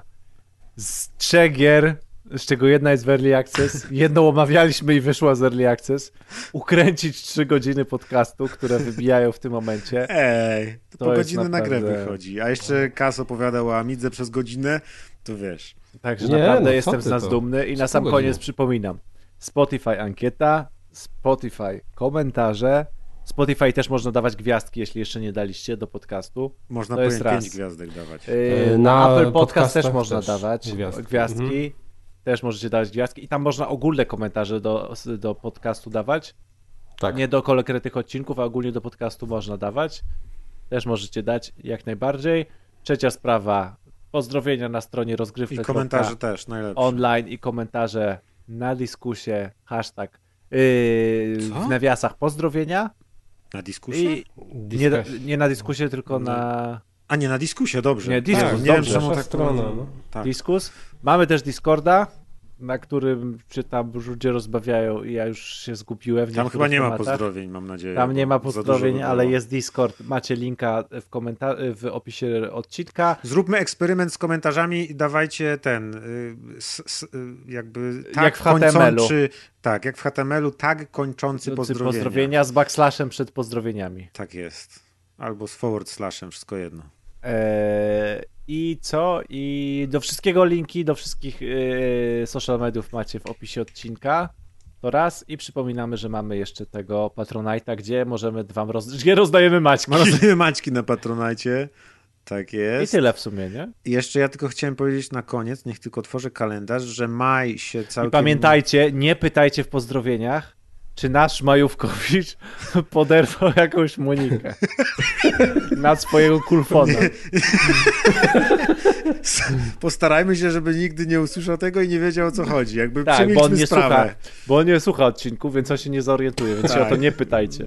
A To będzie nasza słodka tajemnica. Będzie się potem nas dopytywać, jak nie będzie wiedział, Wiecie, o co jak ktoś go spotka na ulicy, to będzie miał pytanie, gdzie masz Monikę i on nie będzie wiedział, Pokaż kulfona, takie rzeczy. Nie chcemy tego. Nie Niech on chcemy sobie tego. odpoczywa w spokoju. Tak, tak, tak. Ja, To, że go nie ma na jednym odcinku, to nie znaczy, że już śmieszki, heheszki mają być. y, słuchajcie, za tydzień y, będzie Digital Dragons 15 i 16 maja, Będziesz Maćki? a jeszcze może będę rozdawać maćki, a jeszcze później 26 maja zaczyna się Pixel Heaven. Wow, to Aha, już. A, to bo to już. w maju. No dokładnie, więc dwie duże imprezy growe. Ja zobaczę, może będę na Dragonsach, może będę na Pixel Heaven, zobaczymy. Będę reprezentować, bo rozumiem, że nikt inny nie, nie, nie chce. A właśnie, ale Pixel Heaven. że Pixel Heaven być może, być może. O, O, Pixel Heaven. Dawaj Kaz, wynajmiemy sobie jakiś kontener nad Wisłą razem. Ale to być może spać. nawet ekipa poznańska wleci. Wa- Warszawa, O, w tak? Wle, tak, wleci ekipa poznańska, jak to brzmi. Będą przebrani za Mario. Będziemy mieli, my już wymyśliliśmy sobie motyw pierś z wróżbą. Będziemy sprzedawać. Takie nadziane wróżbami. Dobrze, Więc dobrze nie maćkami albo żyletkami. Maćkami też mogą. To co, kończymy. Tyle tego dobrego. Tak jest, dobrnęliśmy Tak. do trzech godzin. Udało się. Następne dobre rzeczy za dwa tygodnie. Do usłyszenia. Na razie. Elo.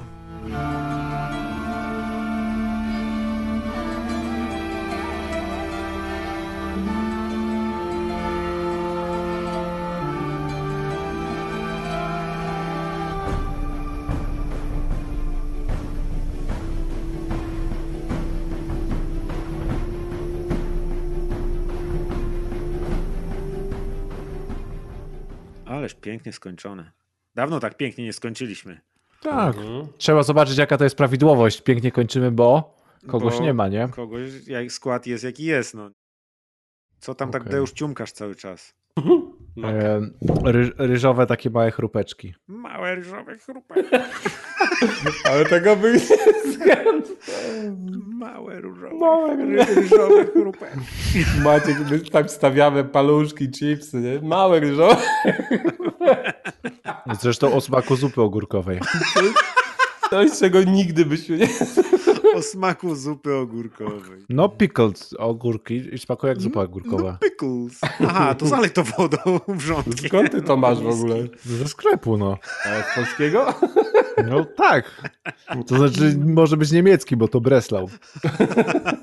Teraz koreański, bo tam macie fabrykę i tam podobno nawet dobre jedzenie jest. No bo to przywieźli, przywieźli kucharzy z Korei, nawet zbudowali budynek No koreański. właśnie.